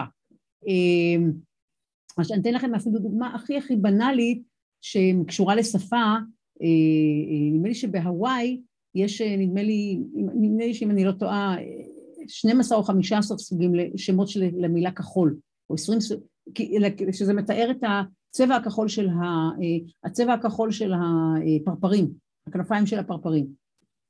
בשפה האנגלית יש בסך הכל מילה שתיים שלוש. כשאתה לא, אין לך שפה, אתה גם לא רואה את הצבע. עכשיו תארו לעצמכם, וזה ממש מטאפורה שממחישה מה קורה כאשר יש לנו סוגים חדשים של סמארטנס, uh, uh, של uh, מתודות של חשיבה, של אינטליגנציות, לא משנה איך נקרא לזה, שמסוגלים למעשה לראות את אותם הגוונים שאנחנו בכלל לא מסוגלים לראות אותם. בכוונה אני רואה את זה, מראה את זה כמטאפורה. ולמעשה מה שאנחנו כרגע עוברים, המהפכה העמוקה שבה אנחנו עוברים בעצם, שאנחנו עוברים מהמהפכה התעשייתית הראשונה, שלמעשה לקחה והחליפה את הכוח הפיזי, כן? שהיה או של בני אדם או של חיות, אוקיי? ובעצם אה, אה, נתנה לנו כוח, אה, כוח פיזי אה, אה, אה, מלאכותי, נגדיר את זה ככה. אני שוב מצטטת את קיימי קיילי, חשוב לדעת, ובעצם אה, כשאנחנו היום נכנסים לאוטו, יש לנו בעצם, אנחנו לוחצים, אז יש לנו מנוע, יש לנו בעצם, עומדים לרשותנו 250 כוחות של סוסים, כאילו 250 סוס, סוסים רצים לפנינו. מה קורה כשאנחנו נכנסים לאוטו שלנו ויש לנו גם 250 סוגים חדשונים של מוחות שנמצאים איתנו, שזה בעצם למשל הרכב האוטונומי, אוקיי? אנחנו נראה בכל מקום, וזה נקודה קריטית ואף ארגון לא מתכונן לזה, אנחנו, ואני אומרת לכם את זה בוודאות כי אני יושבת במספיק ארגונים. אנחנו נצטרך ללמוד לשתף פעולה, אנחנו נשתף פעולה עם מכונות ועם, סליחה, עם בינה מלאכותית בכל הקשר שהוא, מי שבנה, מי שמשתמש במונח סנטה עוז זה כמובן, אוי שכחתי איך קוראים לו, האלוף, האלוף השחמט שהובס על ידי דיפ, דיפ בלו, שזה היה כמובן מחשב העל, קספרוב, סליחה, והוא בעצם התחיל לבדוק אחרי שהוא כעס ומה שנקרא, הוא, מה שנקרא, הוא כל כך כעס, הוא אמר שלא ייתכן שלמעשה למתחרה שלו, למחשב יש גישה לכל אקט שאי פעם נעשה בעולם השחמט, הוא התחיל לבדוק, אחרי שהוא גמר לכעוס, הוא איש מאוד מאוד חכם, והוא התחיל כרגע לבדוק מה, מה, מה, מה אפשר לעשות, מה הכישורים הנכונים, ומה שהוא בונה ומה שהוא מוכיח שוב ושוב ושוב, שלמעשה לא בני אדם הם שחקני השח הטובים ביותר, לא המחשב הוא, אה, אה, אה, הוא, הוא, הוא המנצח, אלא דווקא שילובים של מערכות אפילו בינוניות של בינה מלאכותית, עם אפילו מה שנקרא קבוצות בינוניות של אנשים. זאת אומרת, אנחנו יודעים שהמודל הולך להיות היברידי, ואנחנו צריכים להתחיל לחשוב. וכמו שאמרתי, אנחנו עושים cognifying לכל דבר. עכשיו, מה שיקרה, אנחנו הולכים לעשות outsource יותר ויותר. אנחנו דבר ראשון ניתן, נעשה outsource של כל מה שאנחנו לא רוצים לעשות. אבל בצורה הכי הכי בנאלית, משהו חוזר על עצמו, אה, אה, מסוכן או משעמם, זה דבר, זה אנחנו ניתן לרובוטים, אבל אחר כך לבוטים אנחנו ניתן את כל הדברים. כל העבודות שמה שנקרא נשענות על הרבה מאוד ניירת, סביר להניח שאנחנו ניתן אותן החוצה, אנחנו נעשה מיקור חוץ, אוקיי? אנחנו ניתן להם את הדברים שאנחנו בהתחלה טובים יותר, אוקיי? למשל ניתוחים. אה, אה, אם אני צריכה לבחור בסוף מנתח ואני בסוף יש לי רובוט שמה שנקרא לא מתעייף ועושה בלי סוף ניתוחים כנראה שאני אעדיף אולי שהוא יעשה את זה. וכמובן אני רוצה להזכיר לנו שיש לנו חסר אדיר ברופאים אני לא יודעת אם אתם יודעים אבל באפריקה יש לנו רופא לאחד לכל מיליון נפש. אז סביר להניח שאנחנו נצטרך אותם. השלב הבא יהיה שאנחנו מה שנקרא אנחנו אנחנו פשוט ניתן להם עבודות שאנחנו היינו, היינו שמחים להיות מסוגלים לעשות, כמו שדיברתי למשל על הנושא של זיהוי קשרים, מה שנקרא בנקודות שאנחנו בכלל לא יכולים לחיות אותם, והשלב הבא כנראה, ושוב אני מצטטת את אבן קיילי באופן כזה או אחר, בעצם, או שזה אני מניחה את התשתית עליו, בעצם דברים שאנחנו בכלל לא חשבנו שאנחנו נוכל אולי לעשות אותם, או שהם אפשריים. אז הנה זה קורה, אוקיי? כמו למשל, נראה לנו הזוי כרגע, אה, שאנחנו נוכל להחליף את כל האיברים בגוף שלנו. זה יקרה. נראה לנו הזוי שאנחנו נוכל לחיות על הירח, זה כנראה יקרה, והרבה יותר מהר ממה שאנחנו חושבים. אוקיי. ועכשיו, מה שהדבר הבא, אז ברור לנו כרגע מה היכולות, עכשיו בואו נדבר על איך, מה רמת הנגישות שתהיה לנו, ואם המחשבה היא שבינה מלאכותית תהיה אך ורק זמינה ל... אה, אה, ל אה, יש כאן שגיאת כתיב, אני מצטערת, בעצם זה בעצם מה שיהיה זה שזה יהיה לנו כמו שירות. בדיוק כמו שהיום אנחנו יכולים לגשת לענן ולקנות אה, את זה באמזון וכן הלאה, כבר היום דרך אגב, חלק מהמודלים למשל בגוגל, בניתוחי תמונות וכן הלאה, אתה נכנס ואתה קונה ואתה יכול אפילו לקנות, לא, לא לחתום אפילו על subscription, אתה יכול פשוט לקנות את זה, לא לקנות מנוי, אלא פשוט לקנות לעצמך בדיוק את הבט שאתה צריך לאותו דבר. אנחנו צריכים לחשוב על בינה מלאכותית, כמו על חשמל. הוא יהיה זול, היא תהיה זולה, היא תהיה נוחה לשימוש, אין תהיינה, כי לא יהיה כמובן אחת, והיא תהיה בכל מקום. אוקיי? זה ממש יהיה זמין לכולנו, ובעצם אנחנו צריכים להבין שאנחנו מדברים על סוגים שונים של אינטליגנציות, יהיה לנו אינטליגנציות נמוכות ויהיה לנו אינטליגנציות גבוהות, ומה שמעניין זה שאנחנו קוראים לדבר, אנחנו קוראים לטכנולוגיה בהגדרת על שלה, באיזושהי תמת על, אה, לפני שהיא הופכת להיות מה שנקרא מאוד מאוד, אה, מה שנקרא ingrained לתוך החיים שלנו, כן? אה, חשמל, אנחנו קראנו לו בית חשמלי, היום אף אחד לא אומר אני קונה, אני קונה בית ויש בו חשמל, כן? אנחנו גם לא אומרים למשל, אנחנו לא אומרים מכונת כביסה חשמלית, אין מכונת חשמלה אחרת, זאת אומרת ככל שהטכנולוגיה הופכת להיות יותר חזקה היא למעשה אימבדד, היא משתלבת בתוך הרקע, זה מה שהולך לקרות לנו בבינה מלאכותית. ולמעשה אנחנו צריכים לחשוב שכל דבר שהוספנו לו חשמל לפני 120 שנה אנחנו נוסיף לו בינה מלאכותית. נורא חשוב להבין את זה. אם מישהו כאן מה שנקרא מחפש להיות סטארט-אפיסט חבר'ה כל מה שאתם צריכים לעשות זה למצוא כרגע לא משנה מה ולהתחיל לחפש לו מה שנקרא ולהצמיד לו בינה מלאכותית כמו שקווין קיילי אומר שישבו הסטארט-אפיסטים ב-2040 יגידו אוי כמה קל היה ב-20 כאשר כל מה שהייתי צריך זה להוסיף בינה מלאכותית והיה לי, והיה לי ביזנס שימו לב ולכן לא צריך לחשוש, לא צריך לחשוב, לא צריך לחשוב שבינה מלאכותית תעמוד רק בפני הגופים הגדולים. גם גוף קטן יכול להשתמש, יוכל להיות. זה לא, זה לא בליגה של הגדולים בלבד, זה יהיה זמין לכולנו. עכשיו הדבר הבא שאנחנו צריכים להבין שבינה מלאכותית כרגע היא ב baby step שלה.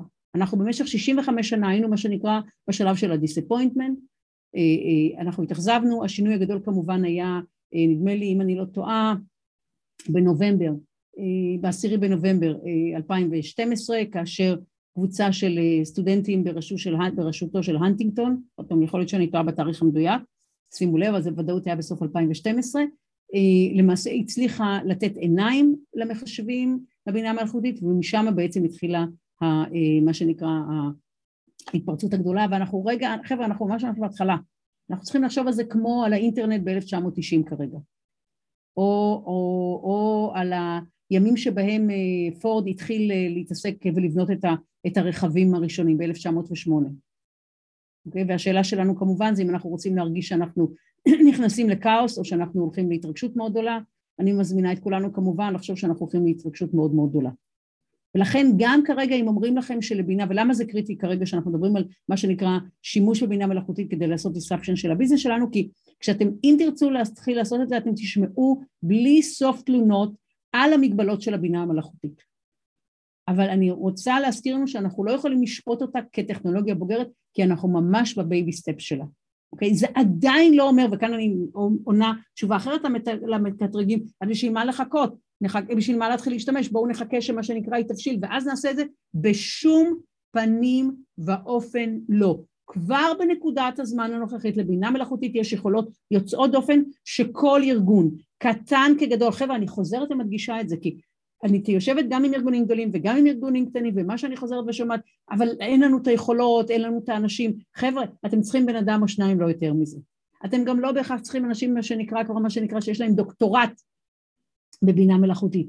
בהחלט לא, לא בהכרח זה מה שאתם צריכים אוקיי? ואם תיקחו את, ואם, ואם תשבו ואפשר לשבת ביחד ולהסתכל בעצם על הפלואו של מה שנקרא, על ה-P&L ולראות איך משחקים איתו שמה, אפשר למצוא בדיוק את המקום שבו אפשר להתחיל לעשות את זה ואפשר להתחיל לעשות את הניסויים האלה דרך אגב באמצעות הסנדבוקס ולא בליבה של הארגון כדי לא חס וחלילה לפגוע כרגע מה שנקרא בפרות החולבות שלנו. אני רוצה עכשיו להתקדם אה, ולהגיד שלמעשה זה אמירה מאוד חשובה של אנדרסון, אה, אנדריסון, אנדריסון זה האיש שבזכותו יש לנו את האינטרנט, זה מרק אנדריסון, ובעצם הוא במאמר המפורסם שלו מ-2011 בא ואמר שמה שנקרא תוכנה אוכלת את העולם, ובעצם כל חברה תהיה בעתיד רק חברה שמה שנקרא יש לה תוכנה, ואם לא היא לא תתקיים.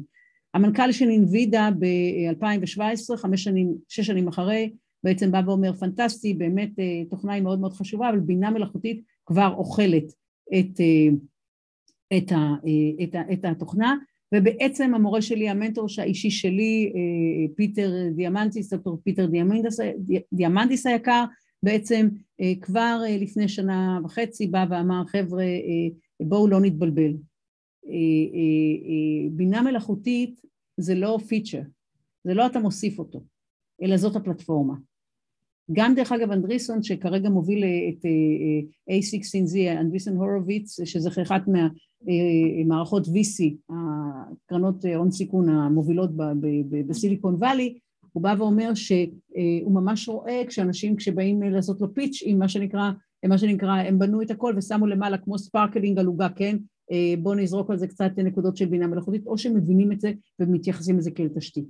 וזה אחד המדדים המרכזיים דרך אגב שהוא משתמש בהם כדי להחליט אם הוא משקיע בחברה או לא כי הוא אומר אם לא מבינים את המשמעות של בינה מלאכותית אין לי מה להשקיע עם בכלל ובעצם פיטר אומר הוא אומר חבר'ה יהיה לנו רק שני סוגים של חברות בעשור הקרוב חברות שיאמצו את הבינה המלאכותית וחברות שלא ישרדו אני רוצה להזכיר לנו שהאיש הזה הוא אחד מהמובילים בסיליקון וואלי ומעבר לזה באמת מקדיש את חייו כדי לטפח את היזמים כאשר המטרה שלו היא לשנות את העולם באמצעות הטכנולוגיות מאפשרות, אוקיי? ובעצם לשפר את החיים של כולנו על פני כדור הארץ. אבל הוא, הוא איש מאוד עמוק עם הבנה מאוד מעמיקה ואני חושבת שאנחנו צריכים, אם אנחנו לוקחים את האמירה הזאת ואנחנו מחברים את זה עם האמירה של המנכ"ל של גוגל, אוקיי? שמה שנקרא שזה הכוח הכי גדול וחברות צריכות להבין את זה, זה בעצם השילוב. אוקיי, אני רוצה להתקדם. איך אנחנו נעשה דברים יותר טובים? אוקיי. מאוד בקצרה, אני רוצה לעבור על כמה דוגמאות, אה, ומי שכמובן ירצה שאחר כך ניפגש, אורנה ואני נשב, נשמח לשבת כמובן ולדבר בצורה מעמיקה על זה.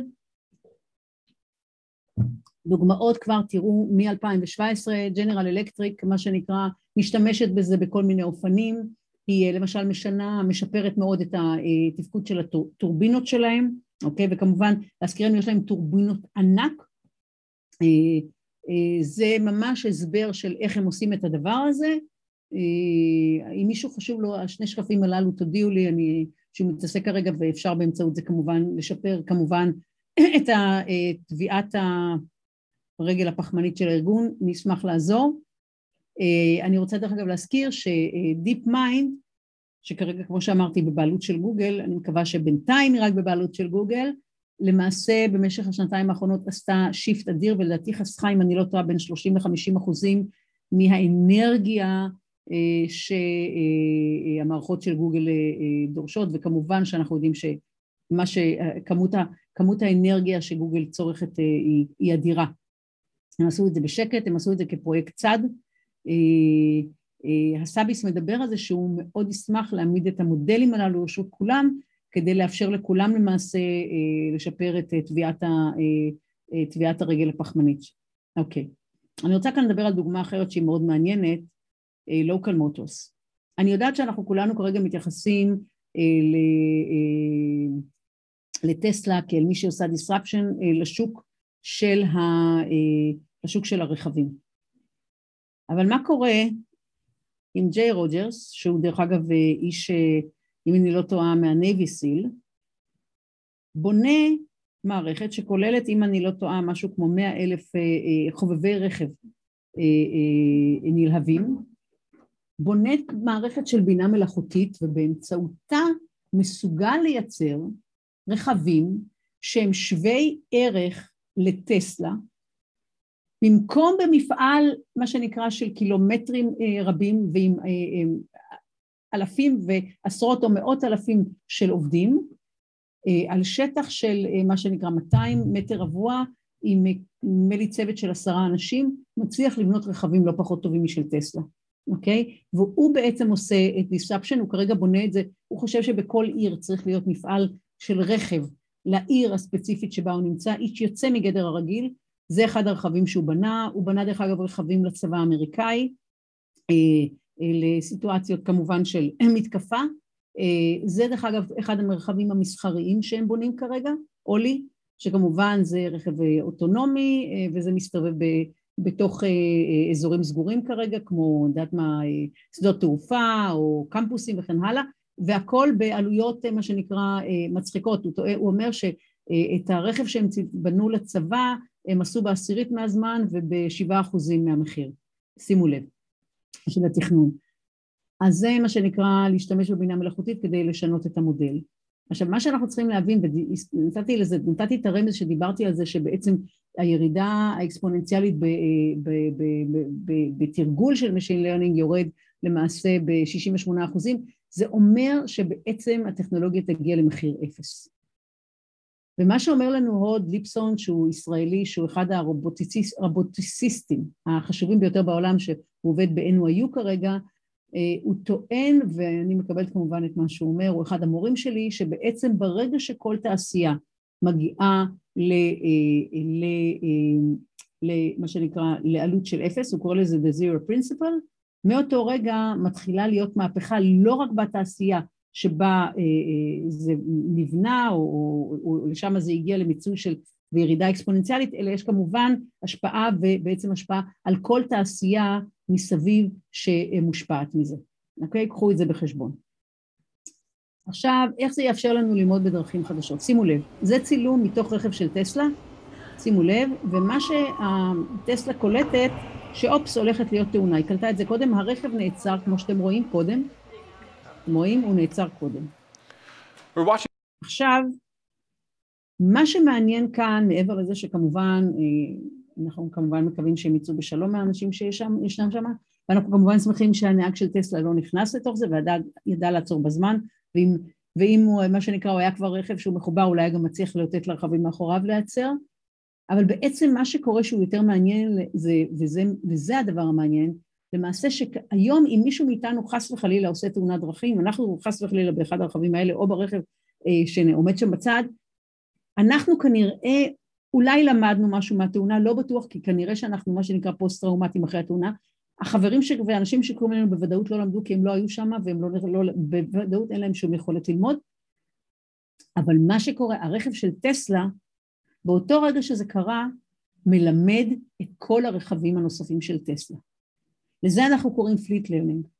עכשיו אני מחברת את זה לזה שאמרתי לכם שאנחנו נעשה cognifying לכל דבר שהוא מעל חמישה דולרים. זאת אומרת, אנחנו נלמד באופן קבוע, ותארו לעצמכם לצורך העניין שאם אני לומדת צרפתית או ספרדית, ברגע שאני מתחילה ללמוד כולנו, או כל האנשים בארגון שלי, או כל האנשים ביחידה שלי יכולים ללמוד את זה. תארו לעצמכם מה זה אומר. זה שינוי דרמטי, אנחנו גם נגיע לזה, זה ייקח קצת יותר זמן, אבל מה שחשוב להבין שאנחנו נתחיל ללמוד בדרכים שונים לחלוטות, בדרכים שונות לחלוטין.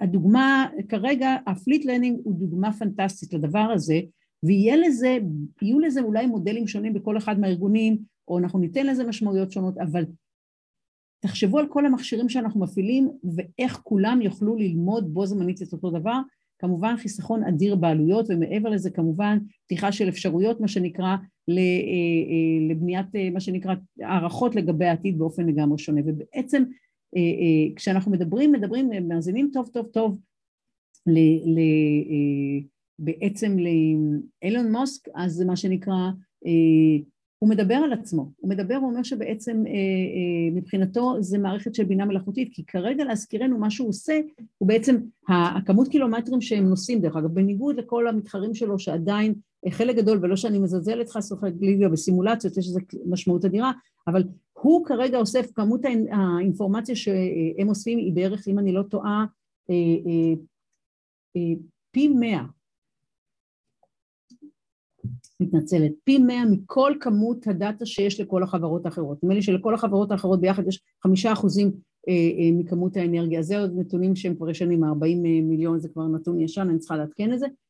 ומה שהוא בא ואומר, אני בעצם חבר, מערך של בינה מלאכותית. עכשיו תארו לעצמכם שמשום שהוא נוסע בתוך הערים, בסופו של דבר זה כמובן יהיה כלי למשל לעזור לערים לתכנן את המסלולים שלהם יותר טוב, למשל, כן? או, או כמעט כל דבר, כמעט כל אינפורמציה שקשורה ל design, הוא יוכל לעזור. עכשיו, אני לא יודעת אם אתם יודעים, אבל בזמנו אה, אה, אה, קווין קלי מספר שהוא פגש, את, אה, פגש בזמנו את לארי, את לארי פייג'. הוא שאל אותו, למה אתם נותנים בחינם? למה אתם לא נותנים subscription למנוע חיפוש שלכם? ואז הוא אמר לו, אנחנו בעצם בונים מכונת בינה מלאכותית. שימו לב כבר אז. אוקיי, שימו לב. אז, אז בקיצור, זה כאילו המודל, דוגמה אחת לאיך אנחנו נלמד לגמרי אחרת. עכשיו, איך זה יעזור לנו לחשוב אחרת? אז הדבר הראשון, תראו, כולנו גדלנו בסביבה שהיא מקומית וליניארית, ואנחנו מאוד מאוד מאוד טובים בחשיבה שהיא ליניארית. מה המשמעות של חשיבה שהיא ליניארית? אני אעשה את זה, אני אספר את הסיפור מאוד מאוד בקצרה. היפותטית, אני יושבת כאן, ואני אומרת לכם שאני מאוד מאוד צמאה, ואני אומרת לגמור את הבקבוק מים, ואני אומרת לכם תחכו שנייה, ואני אומרת לכם שהמטבח שלי נמצא במרחק של 30 צעדים ממני, עוד שנייה, סליחה. מתנצלת כנראה עם כל השינויי מזג אוויר, אז סליחה שאני שותה הרבה באמצע, פחות ממה שאני בדרך כלל לא עושה את זה. ואני אומרת לכם שהמטבח שלי נמצא במרחק 30 צעדים ממני, אוקיי, אתם מסתכלים, אישה ממוצעת, אני כרגע יושבת, אבל אתם אומרים, אוקיי, בואו נגיד 30, אנחנו מה שנקרא אומרים, 30 צעדים, היא צריכה ללכת בערך 30 מטר. זאת אומרת, הנחת היסוד המובלעת כאן, שבעצם אורך צעד שלי הוא 30, 30, 30, סליחה, זה מטר, ובעצם שכל צעד שלי הוא זהה למשנהו. אלה שתי הנחות היסוד המובלעות. מה קורה אם אני אומרת לכם שהמטבח שלי נמצא במרחק של 30 צעדים אקספוננציאליים, זאת אומרת בחזקה 2, 4, 8 וכן הלאה. אני כבר אומרת לכם שרוב הסיכויים שאני אשאר מאוד מאוד צמאה, כי זה אומר שאני צריכה להקיף את כדור הארץ 26 פעם כדי להגיע אל המטבח ולקחת לי קצת מים. אנחנו טובים בחשיבה לינארית, הטכנולוגיה מתקדמת בקצב אקספוננציאלי. עכשיו, זה אומר שכשאנחנו חושבים על כל דבר, אנחנו צריכים לשאול את עצמנו האם אנחנו מה שנקרא סובלים כרגע מהטיה מובלט, מובנית של בעצם חשיבה לינארית. עכשיו, בינה מלאכותית יכולה לעזור לנו, אנחנו יכולים להגיד לה בואי תנתחי לנו את האינפורמציה הזאת, תעזרי לנו לחשוב על זה במונחים אקספוננציאליים. ואז זה מאפשר לנו לראות איפה הפער בין איך שאנחנו רואים דברים, לעומת איך שבפועל הם עשויים או עלולים להיות, זו השאלה שלנו. וזו נקודה מאוד מאוד משמעותית, זה אחת, אחד הדרכים שבהם בינה מלאכותית תעזור לנו לחשוב לגמרי אחרת. אוקיי, איך היא תעזור לנו? יש עוד דרכים, אבל אני רק מראה, חבר'ה, זה רק, אני יכולה לדבר על זה שעות, אבל אני לא רוצה להעמיס יותר מדי, אני כל פעם לכן מראה דוגמה אחת, רק כדי להמחיש איך זה יכול לקחת אותנו. בואו נדבר על מודל קבלת ההחלטות. מה אומר לנו קהנמן? קהנמן אומר לנו שבעיקרון אה, אינטואיציה היא כלי נפלא, זה כלי שכולנו סומכים עליו, נכון? כולל אני שלכאורה לומדת את הנושא, כולנו, כולנו מה שנקרא חוטאים באינטואיציה, אינטואיציה נשענת מה שנקרא על הניסיון שלנו, והוא בא ואומר אינטואיציה היא כלי פנטסטי, מתי הוא אומר? כשמתקיימים שלושה תנאים, התנאי הראשון מה שנקרא שאתה נמצאת מספיק זמן במקום או בסביבה שאתה, יש לך כבר יכולת להבין מהי, הדבר השני שיש לך יכולת לזהות תבניות, זאת אומרת אתה יודע לזהות תבניות, והדבר השלישי הוא בא ואומר כאשר הסביבה שלך משתנה בקצב מאוד איטי, דהיינו קצב לינארי. זה מצוין, אז תשתמש באינטואיציה שלך.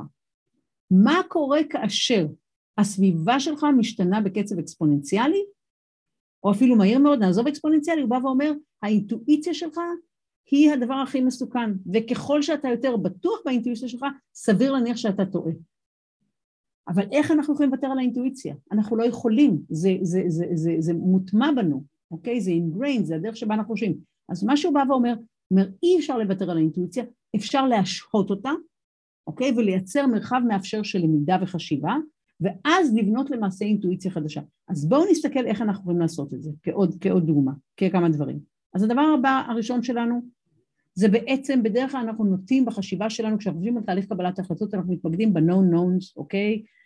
בעצם נגיד במשולש הזה, אנחנו הרבה הרבה פחות טובים ב-unknown unknowns. אנחנו לא יודעים לעשות את זה, אוקיי? כי זה נשען בדרך כלל על פרובביליות ועל מה שנקרא, על הסקה סטטיסטית שאנחנו פחות טובים, וגם להסתכל מעבר לאופק וגם חשיבת, מה שנקרא חשיבת חייזר, אוקיי? שמסתכלת על דברים אחרים.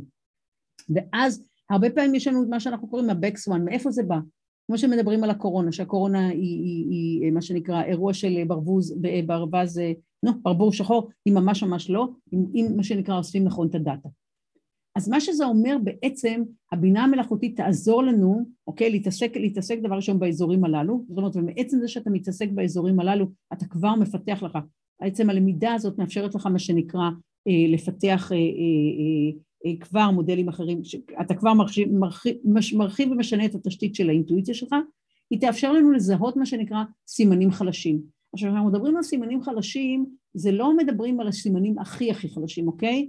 אלא סימנים שהם מספיק מספיק מספיק חלשים, אבל אנחנו יודעים שמה שנקרא בסופו של דבר הם יהיו מאוד מאוד משמעותיים, ולא משנה כרגע אם זה תופעות חברתיות שנמצאות בשוליים והופכות להיות כמו שנקרא בליבה, כמו שבשנות ה-60 למשל, אה, אה, התנועה של התנועה של, התנועה, התנועה האקולוג, האקולוגית, אנחנו רואים שכרגע כולנו מבינים את החשיבות ומשתדלים לפחות למחזר, זה המינימום, אוקיי? או מה שנקרא קבלה של אה, אה, תפיסות אה, עצמיות בנושא מיניות שהיו פעם אה, מה שנקרא מחוץ לחוק, כן, ממש, ואנשים עלולים היו לקבל עונשי מאסר, ומעבר לזה חס וחלילה, תמורת הנטיות המיניות, בשל הנטיות המיניות שלהם, אז כרגע כמובן זה נכנס לליבה, וכמובן אה, התחלה של הדרך שלנו שהיום אנחנו מזהים טייפונים וכמובן אסונות אה, או תופעות טבע מאוד מאוד קשות לפני שהן מתרחשות, אז זה בפירוש הדבר. אנחנו יכולים להשתמש בכלים האלה גם אצלנו בתוך הארגון שלנו, אם אנחנו יודעים להשתמש בזה נכון, אוקיי? אז אנחנו מה שנקרא, אנחנו יכולים לגבי הארגון שלנו, לגבי הסביבה שבה אנחנו פועלים, לבחון את מה שנקרא, לנסות לזהות את הסימנים, מה שנקרא את ה-weak signals בהיבט הטכנולוגי, המדעי, הכלכלי וכן הלאה, ובעצם אנחנו יכולים באמצעות הבינה המלאכותית לבצע מה שנקרא איזשהו ניתוח שמדבר על מתי החל, מה שנקרא ה-weak signals האלה יהיו מספיק משמעותיים והאם הם יושבים על איזשהו גשטלט בסיסי שאנחנו יכולים להבין אותו שבעצם מה שנקרא התדירות, אה, אה, מה שנקרא ה-density, זאת אומרת הצפיפות של האירועים או הנקודות וה friction, כמה זה יוצר לנו friction ומתוך הדבר הזה כנראה אנחנו יכולים יותר בקלות לזהות איזה weak signals יהפכו למגמה מרכזית וישפיעו על הסביבה שבה אנחנו פועלים וכמובן על הארגון שלנו. זה כמובן מתחבר לכלי הבא שבינה מלאכותית יכולה מאוד לעזור לנו שזה הכלי של בניית העתידים שבפירוש אה, אה, יכולה לאפשר לנו לראות דברים שהם מעבר למה שאנחנו מסוגלים, זה חלק מהעבודות שאנחנו עושים עם ארגונים שזה בעצם לעזור ולבנות את העתידים האפשריים, אנחנו בונים בסופו של דבר מערך מאוד רחב, אני לא אכנס כרגע לכל הפרוסס, יהיה לנו זמן, נעשה על זה איזושהי שיחה. בכל מקרה, בינה מלאכותית בפירוש היא השותפה הנהדרת לבנות את המשפך של העתידים השונים. אה, וכמובן, אה, אני מביאה כמובן את, את הדוגמה לזה כמובן של מה, קורה, מה עושה לנו כרגע אה, למשל עם Salesforce, עם ה Einstein, אה, עם הפלטפורמה של Einstein, שתראו מה הם עושים היום, למעלה מ-80 אה, מיליארד prediction ליום, בפירוש זה אחת הדוגמאות שכדאי תמיד להסתכל, חברה נפלאה, שמה שאני אוהבת אצלה זה שהיא פותחת את הכלים וכולם יכולים לעשות את מה שהם רוצים על גביה. אוקיי. אז בקיצור, זה יעזור לנו, בינה מלאכותית תעזור לנו בהתאם למה שמלמד אותנו דניאל קנמן, שדרך אגב הוציא כרגע ספר מצוין השנה שנקרא נויז, שדן בסוגיה של איך אנחנו מחברים בין חשיבה אנושית ובין בינה מלאכותית, איך אנחנו מנהלים תהליך קבל, קבלת החלטות שונה לחלוטין, האיש הנפלא הזה, וכמובן הספר הנפלא של אדם גרנט שיצא גם השנה, שנקרא Rethink, שבא ואומר שאנחנו נדרשים בתקופה הנוכחית יותר מכל דבר אחר לחשוב מחדש. בינה מלאכותית בוודאות היא הכלי שיעזור לנו לחשוב מחדש. ומה שהדבר הבא שאנחנו רואים כבר שזה מתחיל לזוז, שבעצם הבינה המלאכותית זזה מהמקום שבו מה שנקרא, היא רק עשתה לנו descriptive analysis, היא כבר, היא מאפשרת לנו לעשות כבר predictive analysis, וכנראה שהיא תעזור לנו perspective analysis, אנליטיקס, ובעצם זה פותח לנו. עכשיו, זה לא אומר שאנחנו ניקח את הבינה המלאכותית ואנחנו, מה שנקרא, נקבל הכל, אבל תהיה לנו ליד השולחן, בתהליך קבלת ההחלטות שלנו, מישהי גברת אה, אה, בינה מלאכותית שחושבת לגמרי אחרת והיא תהיה שותפה ראויה.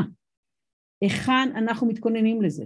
איזה תהליכים אנחנו צריכים לעשות היום בתוך הארגון שלנו כדי לוודא שאנחנו יכולים למצות את הפוטנציאל של השותפה הלא אנושית הזאת שכבר עומדת לרשותנו ואנחנו לא משתמשים בה? מספיק. אוקיי.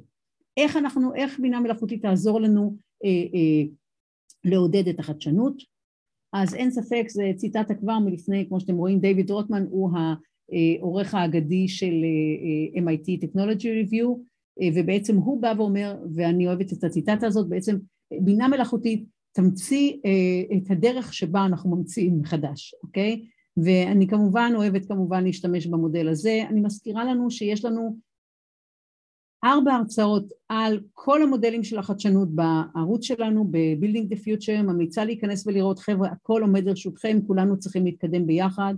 אה, אני תלמידה משתפת ואני, ואני לא מומחית לשום דבר, ואני מבינה שכל מה שאני לומדת אני חייבת להעביר הלאה. יש שם ארבע הרצאות על כל המודלים של החדשנות, אז אני לא אדבר על זה כרגע. זה המודל אבל הבסיסי שאנחנו משתמשים איתו אצלנו ב-Building the Future, זה המודל שבנה לארי פייג', ובעצם מה שאנחנו, וכמובן שיש לנו את החדשנות בליבה, שזה בדרך כלל חדשנות, חדשנות אינקרמנטלית, אבל אפשר גם לעשות עבודה יותר טובה באמצעות בינה מלאכותית, תכף אני אסביר, ב-adjacent space, שזה בעצם איך אנחנו לוקחים את יכולות הליבה של הארגון שלנו לעשות disruption לחברות ול, וגם לקטגוריות אחרות, וכמובן חדשנות משבשת שהיא בעצם כבר שיבוש והיא לא חדשנות, ובעצם זה איך אנחנו בונים את הליבה העתידית של הארגון שלנו. עכשיו גם כשאנחנו מסתכלים בתוך הליבה זה המודל שאנחנו רגילים להסתכל עליו באמצעות משפח, משקפיים אחרות. אז אני, אני לא אכנס, יש לנו באמת הרצאות על זה, אבל אני רוצה לדבר רק על האנומליות שהפכו להיות נורמה.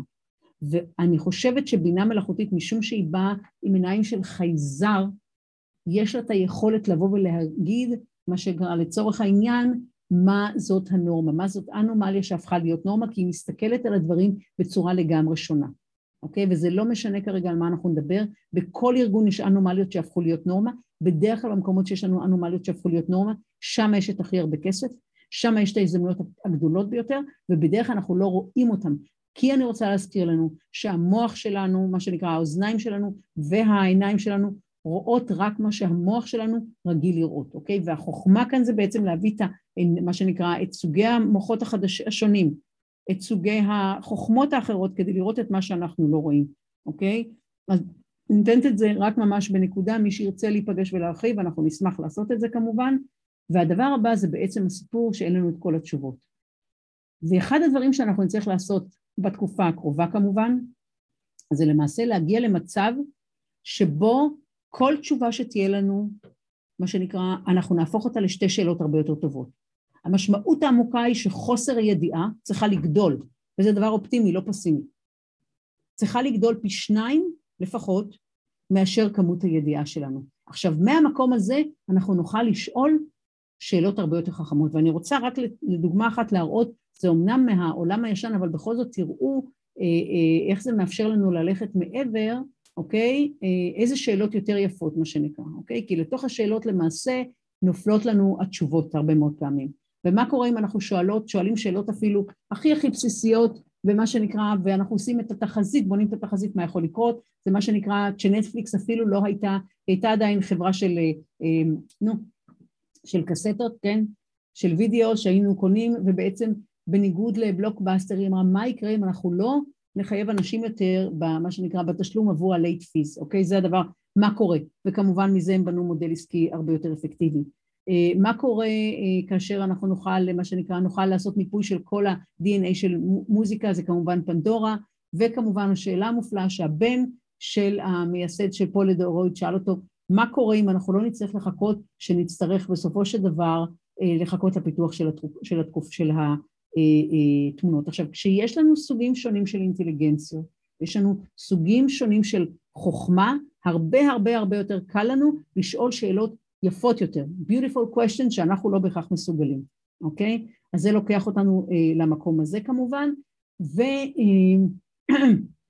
אה, שעוד משמעותי כשאני רוצה לדבר כרגע על השיבוש, למעשה אני רוצה כאן לדבר על זה שאנחנו צריכים להתמקד בעצם במה תהיה, ה, מה יהיה ה-job needs to be done, אוקיי? אה, אה, שזה כמובן ציטוט של, אה, אה, של קליי קריסטנסון המופלא שבנה את המודל הזה שנקרא אה, ומדבר על זה שאנחנו בעצם קונים את השירותים שלנו, את היכולות שלנו כדי לטפל ב task, לא בצורך אלא במשימה או ברצון מאוד מאוד ספציפי, בקונטקסט מאוד מאוד ספציפי, כמו שאומר על זה טד לויט, אף אחד לא מגיע אה, לחנות הום סנטר לצורך העניין כדי לקנות את המקדחה שמסוגלת לעשות את ה-quarter inch drill, אלא אנחנו רוצים לקנות את החור. כשאנחנו מבינים שאנחנו נכנסים לתקופה של disruption, מה שאנחנו צריכים לעשות זה לאמץ את ה-long view, ובעצם לשאול את עצמנו מה ה-job needs to be done לא היום, אלא ב-2040, ומשם נגזור מה אנחנו צריכים לעשות כרגע אחורה. אנחנו לא טובים בזה. אנחנו חסרי דמיון, כולנו, כולנו חסרי דמיון כאשר אנחנו חושבים על העתיד. כולנו, בלי יוצא מן הכלל. דווקא בינה מלאכותית, משום שהיא משוחררת מכל הבייסים שלנו, אנחנו נוכל להשתמש בה כדי להתמקד על מה יהיה be done ב-2040, שזה לא רחוק. ואז כנראה אנחנו נוכל להתחיל לזוז מאזור הנוחות. אנחנו נוכל לעבור את אזור הפחד, נוכל להיכנס לאזור הלמידה, ומשם נוכל להגיע לאזור הצמיחה. עכשיו, מה שעוד הבינה, אז זה דבר ראשון בחשיבה, אבל הדבר היותר משמעותי בעיניי זה הסיפור של איך אנחנו בונים לנו sandbox. אני מאמינה שבעשור הקרוב צריך שיהיה בכל ארגון, מעבר לזה שמה שנקרא כנראה יהיה לנו כרגע VP שאחראי לבינה מלאכותית, כי זה הדבר הבא שיהיה לנו, כמו שיש לנו כרגע למשל ל-innovation, משום, משום שכל פעם שנולדת טכנולוגיה מאוד מאוד גדולה, אז יש לנו דבר ראשון איזשהו, יש לנו, אנחנו צריכים עזרה באיך להטמיע את זה בתוך הארגון, אני לא יודעת אם אתם יודעים, אבל כאשר המצאנו את החשמל, היה לנו VP לאלקטריסיטי, שזה היום נשמע לנו הזוי, כן?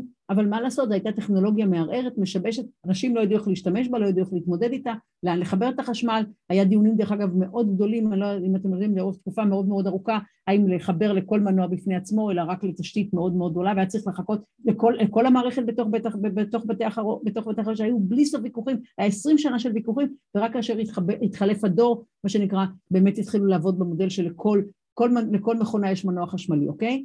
אז זה כאילו, אנחנו לא רוצים לחכות את ה-20 שנה האלה, אנחנו רוצים שזה יקרה מהר ולכן אנחנו נצטרך כנראה שיהיה לנו VP לבינה מלאכותית, מאוד מאוד חשוב. אני חושבת בלי לפגוע באנשים שקשורים למערכות המידע, אני חושבת שזו אה, חשיבה קצת שונה, יכול להיות שאפשר לבנות משהו שהוא משותף ולבנות איזושהי מערכת הוליסטית בהקשר הזה, אבל זה יכולות שונות בעיניי בינה מלאכותית, אבל יהיה לנו, בפירוש יכול להיות שיהיה לנו לכל, לכל, לכל ארגון אה, מישהו שמטפל אך ורק בזה. ואז אם דיברנו על מודלים שונים של חשיבה, עכשיו אנחנו צריכים, הדבר הבא זה ללכת ולנסות את כל הרעיונות שלנו. כי זה לא משנה כמה הרעיונות שלנו מצוינים, החדשנות אמיתית זה שמה שנקרא ניתן ליישם את זה בפועל בצורה מאוד מאוד אפקטיבית בתוך ה, בתוך ה, בתוך ה, בסופו של דבר בתוך החיים היומיומיים שלנו. ואז אם אנחנו בונים לנו ארגז חול, ובאמצעות בינה מלאכותית מה שנוכל, אנחנו נוכל למעשה לבנות או ארגז חול וירטואלי או ארגז חול פיזי, אבל הרבה הרבה יותר אפקטיבי, כאשר התפקיד של ארגז החול זה בעצם כשמו כן הוא, לאפשר לנו מה שנקרא לעשות דיזיין לרעיון, לבחון אותו, ללמוד, לשפר וכן הלאה וכן הלאה. עכשיו באמצעות הבינה המלאכותית גם נוכל לבנות את ארגזי החול הללו וגם לדעתי לנהל אותם בצורה הרבה הרבה יותר אפקטיבית. אתם שואלים אותי, ארגון חכם צריך כרגע שיהיה לו ממש מנהל חדש, שזה התפקיד שלו, לבנות ארגז חול עבור הארגון במקומות שונים ולעזור למעשה בבחינה של רעיונות בצורה זולה, מהירה, פשוטה, וליפול, וליפול הרבה מאוד פעמים, כן, ליפול הרבה מאוד פעמים, כי אנחנו כבר יודעים למעשה שאם יש לנו איזשהו רעיון ואנחנו מנסים אותו בלי לעשות, בלי להשתמש בארגז חול, סיכויי ההצלחה שלנו, המחקרים מוכיחים עומדים, מדברים על שני אחוזים, אם אנחנו עושים אפילו 20, 20 ניסיונות, הסיכויים שלנו להצלחה הם מגיעים כבר ל-66 אחוזים, אוקיי? אז לכן בעצם, וכאן תוצר של מחקר מאוד מאוד מעניין שדן בשאלה האם כישלון הוא חלק מההצלחה. וכמו שאתם רואים, יש כאן כמות אדירה של מחקרים, קבוצות של מקורות של אינפורמציה, מאפליקיישן לגרנטים באוניברסיטאות, 46 שנה של ונצ'ר קפיטל, כל ההשקעות בעולם הזה, ולא פחות חשוב, למעלה מ-170 אלף התקפות טרור. והמסקנה המאוד מרכזית שכן, כישלון הוא חלק מההצלחה, אבל יש לזה כמה, כמה, כמה, כמה היבטים, זה למה נכשלנו, מה היה התגובה שלנו לכישלון, האם אנחנו, זה הוביל אותנו ללמידה, ומה היה פרק הזמן בין מה שנקרא הסקת מסקנות, הפקת לקחים והתנסות חדשה. עכשיו בינה מלאכותית, אני חושבת דבר ראשון תיקח את כל האגוני הרגשי, כי כאילו יש לנו פרטנר שהוא לא אנושי והוא יחד איתנו נכשל. ורואים כבר טוב, אוקיי? יש לנו את מי להאשים, כן? כמו שאומרת קרול דבוק, תמיד טוב שיש את מי להאשים, אז אפשר לשים שם את הבגש ולהתחיל לעשות את העבודה. והדבר השני, שנוכל לעשות את הניסויים בדיוק כמו שאנחנו אומרים, כמו שחשוב. זאת אומרת, ליפול הרבה ומהר ובזול, ובלי לפגוע בליבה. אוקיי. איך אנחנו, איך בינה מלאכותית עתידה לעזור לנו להמציא את, ה, את התהליכים שלנו? אז כמובן, רק במילה אחת, אני כמובן רוצה לדבר על העובדה שבו, שבה למעשה אנחנו, אני רוצה להזכיר לנו שאנחנו קיבלנו בעשירי, אם אני לא טועה, בתשיעי, סליחה, או בתשיעי או בעשירי בינואר בשנת עשרים, את הקוד הגנטי של של כמובן של, של הווירוס, של הקורונה וירוס, שהעבירו לנו בדרכים לא דרכים, דרך אוסטרליה, מסין, לא יודע אם זה בידיעה או בחוסר ידיעה של הממשל הסיני, זה הגיע כמובן לידיים של הבכירים במערכות של מודרנה ופייזר בין השאר, ותוך 48 שעות אחרי שצוותים עבדו בצורה סופר אינטנסיבית על בסך הכל קובץ PDF, קובץ PDF מלבד הם העמידו כבר דיזיין מדויק של מה שבסופו של דבר יהיה כמובן החיסון הראשון שלנו. וזה בזכות בינה מלאכותית, בואו לא נתבלבל, בזכות בינה מלאכותית, וכמובן שזה אפשר לנו תוך 33 יום להיכנס לניסויים בחיות, תוך 66 יום נוספים להיכנס לניסויים בבני אדם, ותוך 333 יום פעם ראשונה בהיסטוריה האנושית, וזה לא פחות מאשר נס. תודות ליכולות שלנו להתחיל למעשה לחסן, ואף אחד לא רוצה לחשוב מה היה קורה אם לא היו את החיסונים האלה.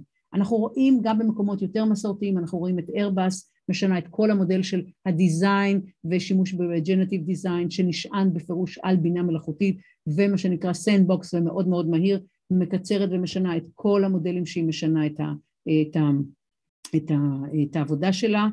Bell, Bell Helicopters, בזכות פנייה מ Uber שבנו איתם מערך של שיתוף פעולה כדי לבנות את המוניות המעופפות ואחר כך המוניות המעופפות האוטונומיות במקום שבע שנים שלקח להם באמצעות ו generative design ושימוש ב, ב, כמובן גם מערכות של מציאות מורחבת. קיצרו את זה לשבעה חודשים במקום שבע שנים. זה כמובן היה טרנספורמציה כל כך גדולה של הארגון שהם אפילו שינו את השם מ Bell Helicopters ל Bell והם כמובן נערכים למודלים אחרים גם בתעשיות מאוד מאוד ותיקות כמו mining יש לנו זה, החברות המובילות, אני לא אראה את כל החברות בתחום, יש לנו כמה מודלים מעניינים בהקשר הזה של מה, איך הם לקחו ואת התהליך, את התעשייה מה, מהוותיקות ביותר, שזה כמובן תעשיית הקריאה, עושים שינוי דרמטי ומשנים את הפנים שלהם לחלוטין, כמובן שינוי דרמטי גם, ב, גם בהכנסות ובהוצאות, אותו דבר מה שנקרא, אני רוצה לדבר על רולס רויס, שלמעשה מייצרת את המנועים, איך היא משנה, את, איך שינתה את המוצר שלה והפכה להיות חברת שירותים למעשה, תכף נדבר על זה.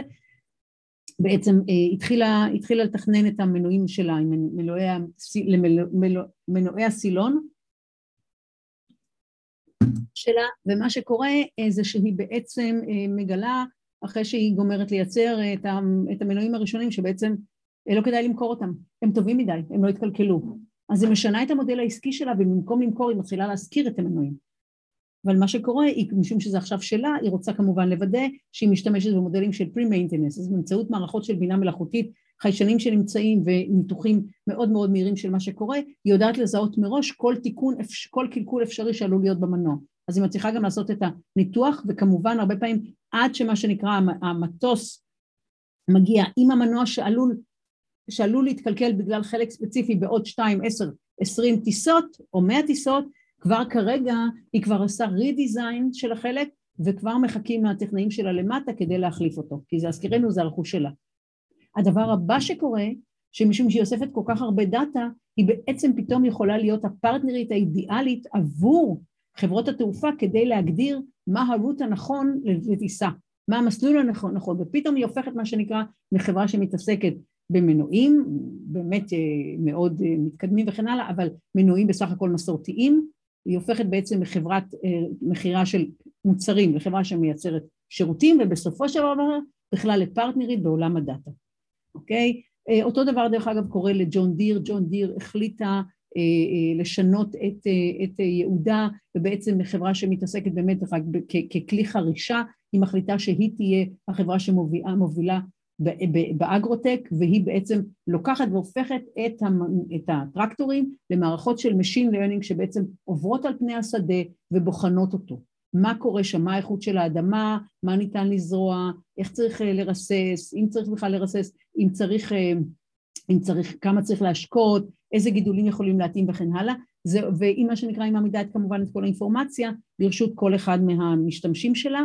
מה שקורה כתוצאה מכך, אני מקצרת, אה, בעצם אה, היא הופכת להיות כלי שמאפשר תכנון, מעקב וכמובן לאורך כל הדרך תמיכה בכל התהליכים ומה שאנחנו רואים זה שינוי דרמטי בחברה הזאת, היא כמובן הופכת להיות אה, חברה שמה שנקרא הופכת להיות הפרטנרית של החקלאים שיכולים לשנות את סגנון החיים שלהם. בכלל אנחנו יודעים שבזכות בינה מלאכותית במידה רבה עולם החקלאות יעתיד להפוך את פניו ואנחנו נראה יותר ויותר אנשים דווקא בתקופה שאנחנו כל כך מתקדמים מבחינה טכנולוגית חוזרים בזכות הטכנולוגיה למקצועות הישנים הללו, אוקיי? והביצועים הכלכליים שלה יוצאים מגדר, מגדר הרגיל והתרומה שלה אה, אה, היא כמובן יוצאת מגדר הרגיל, שיפור דרמטי בביצועים של החקלאים ודרך אגב בשנת הקורונה הראשונה שרוב החברות אה, סבלו מהפסדים מאוד גדולים, החברה מציגה אה, ביצועים כלכליים יוצאים מגדר הרגיל.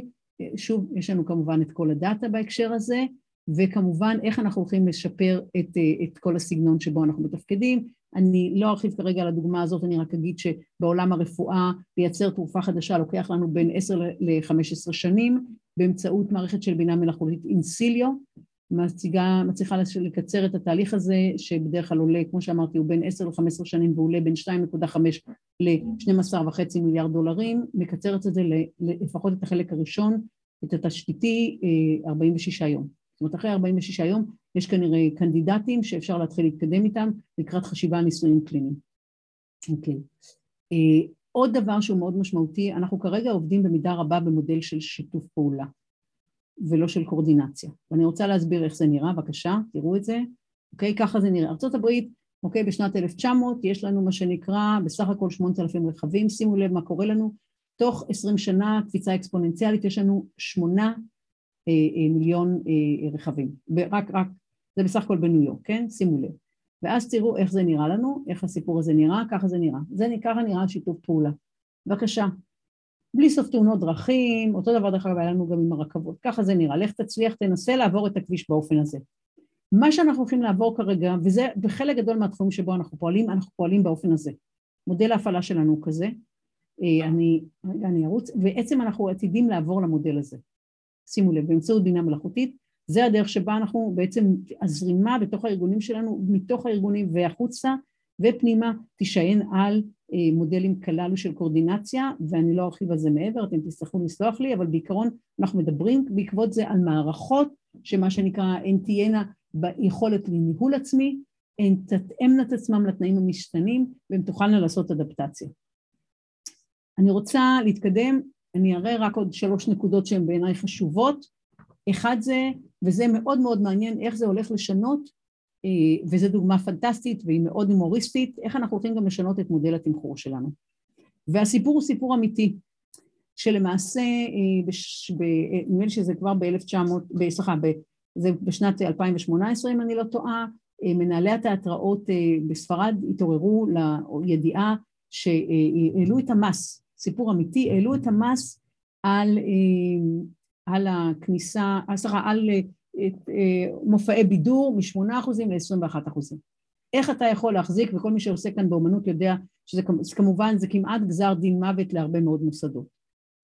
והחבר'ה האלה החליטו שהם הולכים לשנות את מודל התמחור שלהם, ואתה לא משלם עבור כרטיס להופעה, אלא אם מדובר כרגע, במקרה הספציפי הזה מדובר בקומדיה, אתה משלם לפי כמות הצחוקים שאתה אה, אה, צחקת, על ידי שימוש מה שנקרא במערכת, ש, מה שנקרא של אה, self-recognition, אישית, ומה שנקרא מערכת בינה מלאכותית שעוקבת אחרי כמות הצחוקים שלך ומנתחת, ואתה בעצמך רואה כמה אתה בעצם צחקת. אז בבקשה, אני רוצה להראות את הסרט, בואו נראה, הנה, אתם רואים, בעצם זה, אה, אה, הם פשוט לוקחים ומתקינים את, ה, את, ה, את המסכים הללו שמאפשרים self-recognition, ובעצם אנשים נכנסים לתוך הקולנוע, לתוך, סליחה, לתוך האולם תיאטרון, וכמו שאתם רואים, רשום להם, גם יש להם מראש דרך אגב הגדרה כמה כסף, זאת אומרת זה בעצם אנחנו עוברים למודל של אה, אה, אה, pay by performance במידה רבה, זה מודל שאנחנו נראה אותו בהרבה מאוד מובנים, אני לא אדבר כרגע על play to earn וכן הלאה במודל, בעולם המשחקים, אנחנו נרחיב על זה כשנדבר על מודלים עסקיים חדשים, אבל בואו נסתכל רק על נושא התמחור הזה. תראו מה קורה, ויש לך גם את הצילומים שלך כמה אתה צחקת, אתה יכול לקחת, אתה יכול להראות את זה לחברים שלך, פתאום זה הופך להיות כלי בכלל למדיה חברתית, תראו מה קורה להם כמובן, וכמובן שמוסדות אחרים מעתיקים את זה, בבקשה. אז ככה זה נראה, ככה זה נראה, שימו לב. בבקשה, זה נקרא איך אנחנו משתמשים בבינה מלאכותית לייצר באופן יצירתי מודל תמחור שונה לחלוטין. אנחנו הולכים בעצם באמצעות בינה מלאכותית להמציא כל טכנולוגיה, כל, כל, כל תעשייה. We started with the question, אנחנו... what if we could grow better produce for everyone? לנו... Because when it comes to locally grown food, quality shouldn't be a luxury, and quantity shouldn't be a אנחנו ניתן בדיוק לכל צמח מה שהוא צריך. אנחנו כמובן מדברים, זה כמובן היה הכלי המרכזי לפתח, לפתח החלל, לפתיחה של החלל, ואני אגיד עוד מילה אחת בהקשר של disruption של תעשייה, אנחנו כרגע מתייחסים לתעשיית החלל כאל תעשייה שהיא כמובן נמצאת כרגע בהתפתחות, ואנחנו מתייחסים כרגע גם לאילון מוסק וגם לג'ף בזוס כמובילים אותה. אבל אני רוצה לספר לכם על החברה שבעיניי הכי הכי מרגשת בתחום הזה, והיא נקראת רלטיביטי, ובעצם זה שני חבר'ה שהם פחות מבני שלושים, הם היו חברים בקולג' ולאחר מכן אחד מהם הלך לעבוד באמת אצל Blue Origin, ב Blue Origin אצל ג'ף בזוס והשני הלך לעבוד אצל נו, נו X Space של אילון מוסק ובעצם הם הגיעו למסקנה שהתעשייה הזאת עובדת רע מאוד. עכשיו תחשבו, אנחנו מסתכלים על אילון מוסק כמי שעושה disruption לתעשייה הזאת, והם באו וטענו שהבעיה המרכזית זה שרשרת הערך, כי מה שקורה כרגע, כדי לייצר חללית, אתה, יש לך מאות או אלפי ספקים ויש לך מאות אלפי חלקים שמגיעים מכל מיני מקומות ואתה עסוק הרבה מאוד זמן בחיבור. זה גם עלויות וגם יש לזה השלכות מאוד כבדות בעצם על הסיסטמביליות של החללית. משום שאנחנו מדברים על משלוח אנשים לחלל ואנחנו רוצים לעשות את זה בצורה קפואה כמו טיסות, כמו טיסות כרגע ממקום למקום על פני כדור הארץ, אמרו שחייבים לשנות את המודל. והם באו עם תוכנית מאוד שאפתנית, להגיע למצב ש-95 אחוזים מהחללית הם יוצקים ביציקה אחת בפעם אחת. הם השתמשו במודלים מאוד מתוחכמים של בינה מלאכותית, עם מערך מאוד רחב של תכנון חומרים, היה להם שלושה וחצי חודשים לדעתי כדי להגיע ל-proof of concept והם הצליחו לעשות את זה. והם הצליחו לעשות את זה. אז חד משמעית זה, זה שינוי מאוד דרמטי. הם כרגע עם חוזים, הם שני חבר'ה פחות מבני שלושים, שימו לב, צניעות אדירה, כששואלים אותם למה הם עושים את זה, הם אמרו כי צריך לה, לה, להרחיב את מרחב ההתנסות האנושית. באמת, גאונים טובי לב, אין לי מה לומר, ויש להם כרגע חוזה עם נאס"א של 70, ל-70 שנה, נדמה לי, עם שבע תחנות עגינה, הם מתחילים, לדעתי השנה, פעם ראשונה שולחים חללית שלהם, ואני לא, לא אתעכב כאן כי אני רואה שזמננו כבר ממש ממש התקצר, אני רק, ואני אגיד רק מילה אחת, ואני לא ארחיב על זה, כי אה, אנחנו נערכות, אורנה ואני, ליום מיוחד למשאבי אנוש אה, בשלישי לשלישי, ואנחנו נפרסם את זה, זה לארגונים אה, מעל אה, 150 איש, אנחנו הולכים לדבר על איך אנחנו הולכים למעשה, מה התפקיד של משאבי אנוש וכן הלאה, ואני רק אגיד שבעיקרון, כל הדרך שבה אנחנו מגייסים אנשים, והדרך שבה אנחנו מובילים אותם, כל דבר שאנחנו נעשה עתיד להשתנות במידה רבה אה, באמצעות, בגלל השינוי התרבותי שדיברנו, אבל גם באמצעות הכלים שבינה מלאכותית תעמיד לרשותנו, ואנחנו נרחיב על זה אה, ביום, אה, ביום העיון הזה, בשלישי לשלישי. אנחנו נשים את המודעה עם ה-save the date, ואנחנו נזמין כמובן את מי שירצה. אז אני רוצה כאן לעצור, ואני רוצה בעצם להגיד ש... אני יודעת שכשאנחנו מסתכלים על העתיד אנחנו בעיקר מפחדים, אבל אני באמת באמת מאמינה בכל ליבי שיש לנו כרגע מערך כלים אה, אה, אה, שמעולם לא היה לנו. ואני חושבת שאם אנחנו באמת נמצא בתוכנו את היכולת להיות אמיצים ולוותר על חלק ניכר מהנחות היסוד שלנו ולקבל את השותפה הלא אנושית הזאת, שזה היתרון הגדול שלה לצוות שלנו, לצוות המוביל שלנו, אין שום אבן, אין שום פינה, אין שום תהליך, אין שום אה, מודל בארגון שלנו שאנחנו לא נוכל או לשפר אותו בצורה דרמטית או לשנות אותו בצורה מהותית ולאפשר לארגון שלנו לא רק לשרוד את התקופה הזאת, אני חושבת שהרבה מעבר לשגשג בה. אז אני חוזרת ואומרת, זה הדברים שאנחנו עושים ב building the אנחנו נשמח לעמוד לרשותכם אה, לשיחה בנושא הזה, ובינתיים המשך יום מצוין, תהנו מהשמש, סוף שבוע נפלא לכולנו. תודה.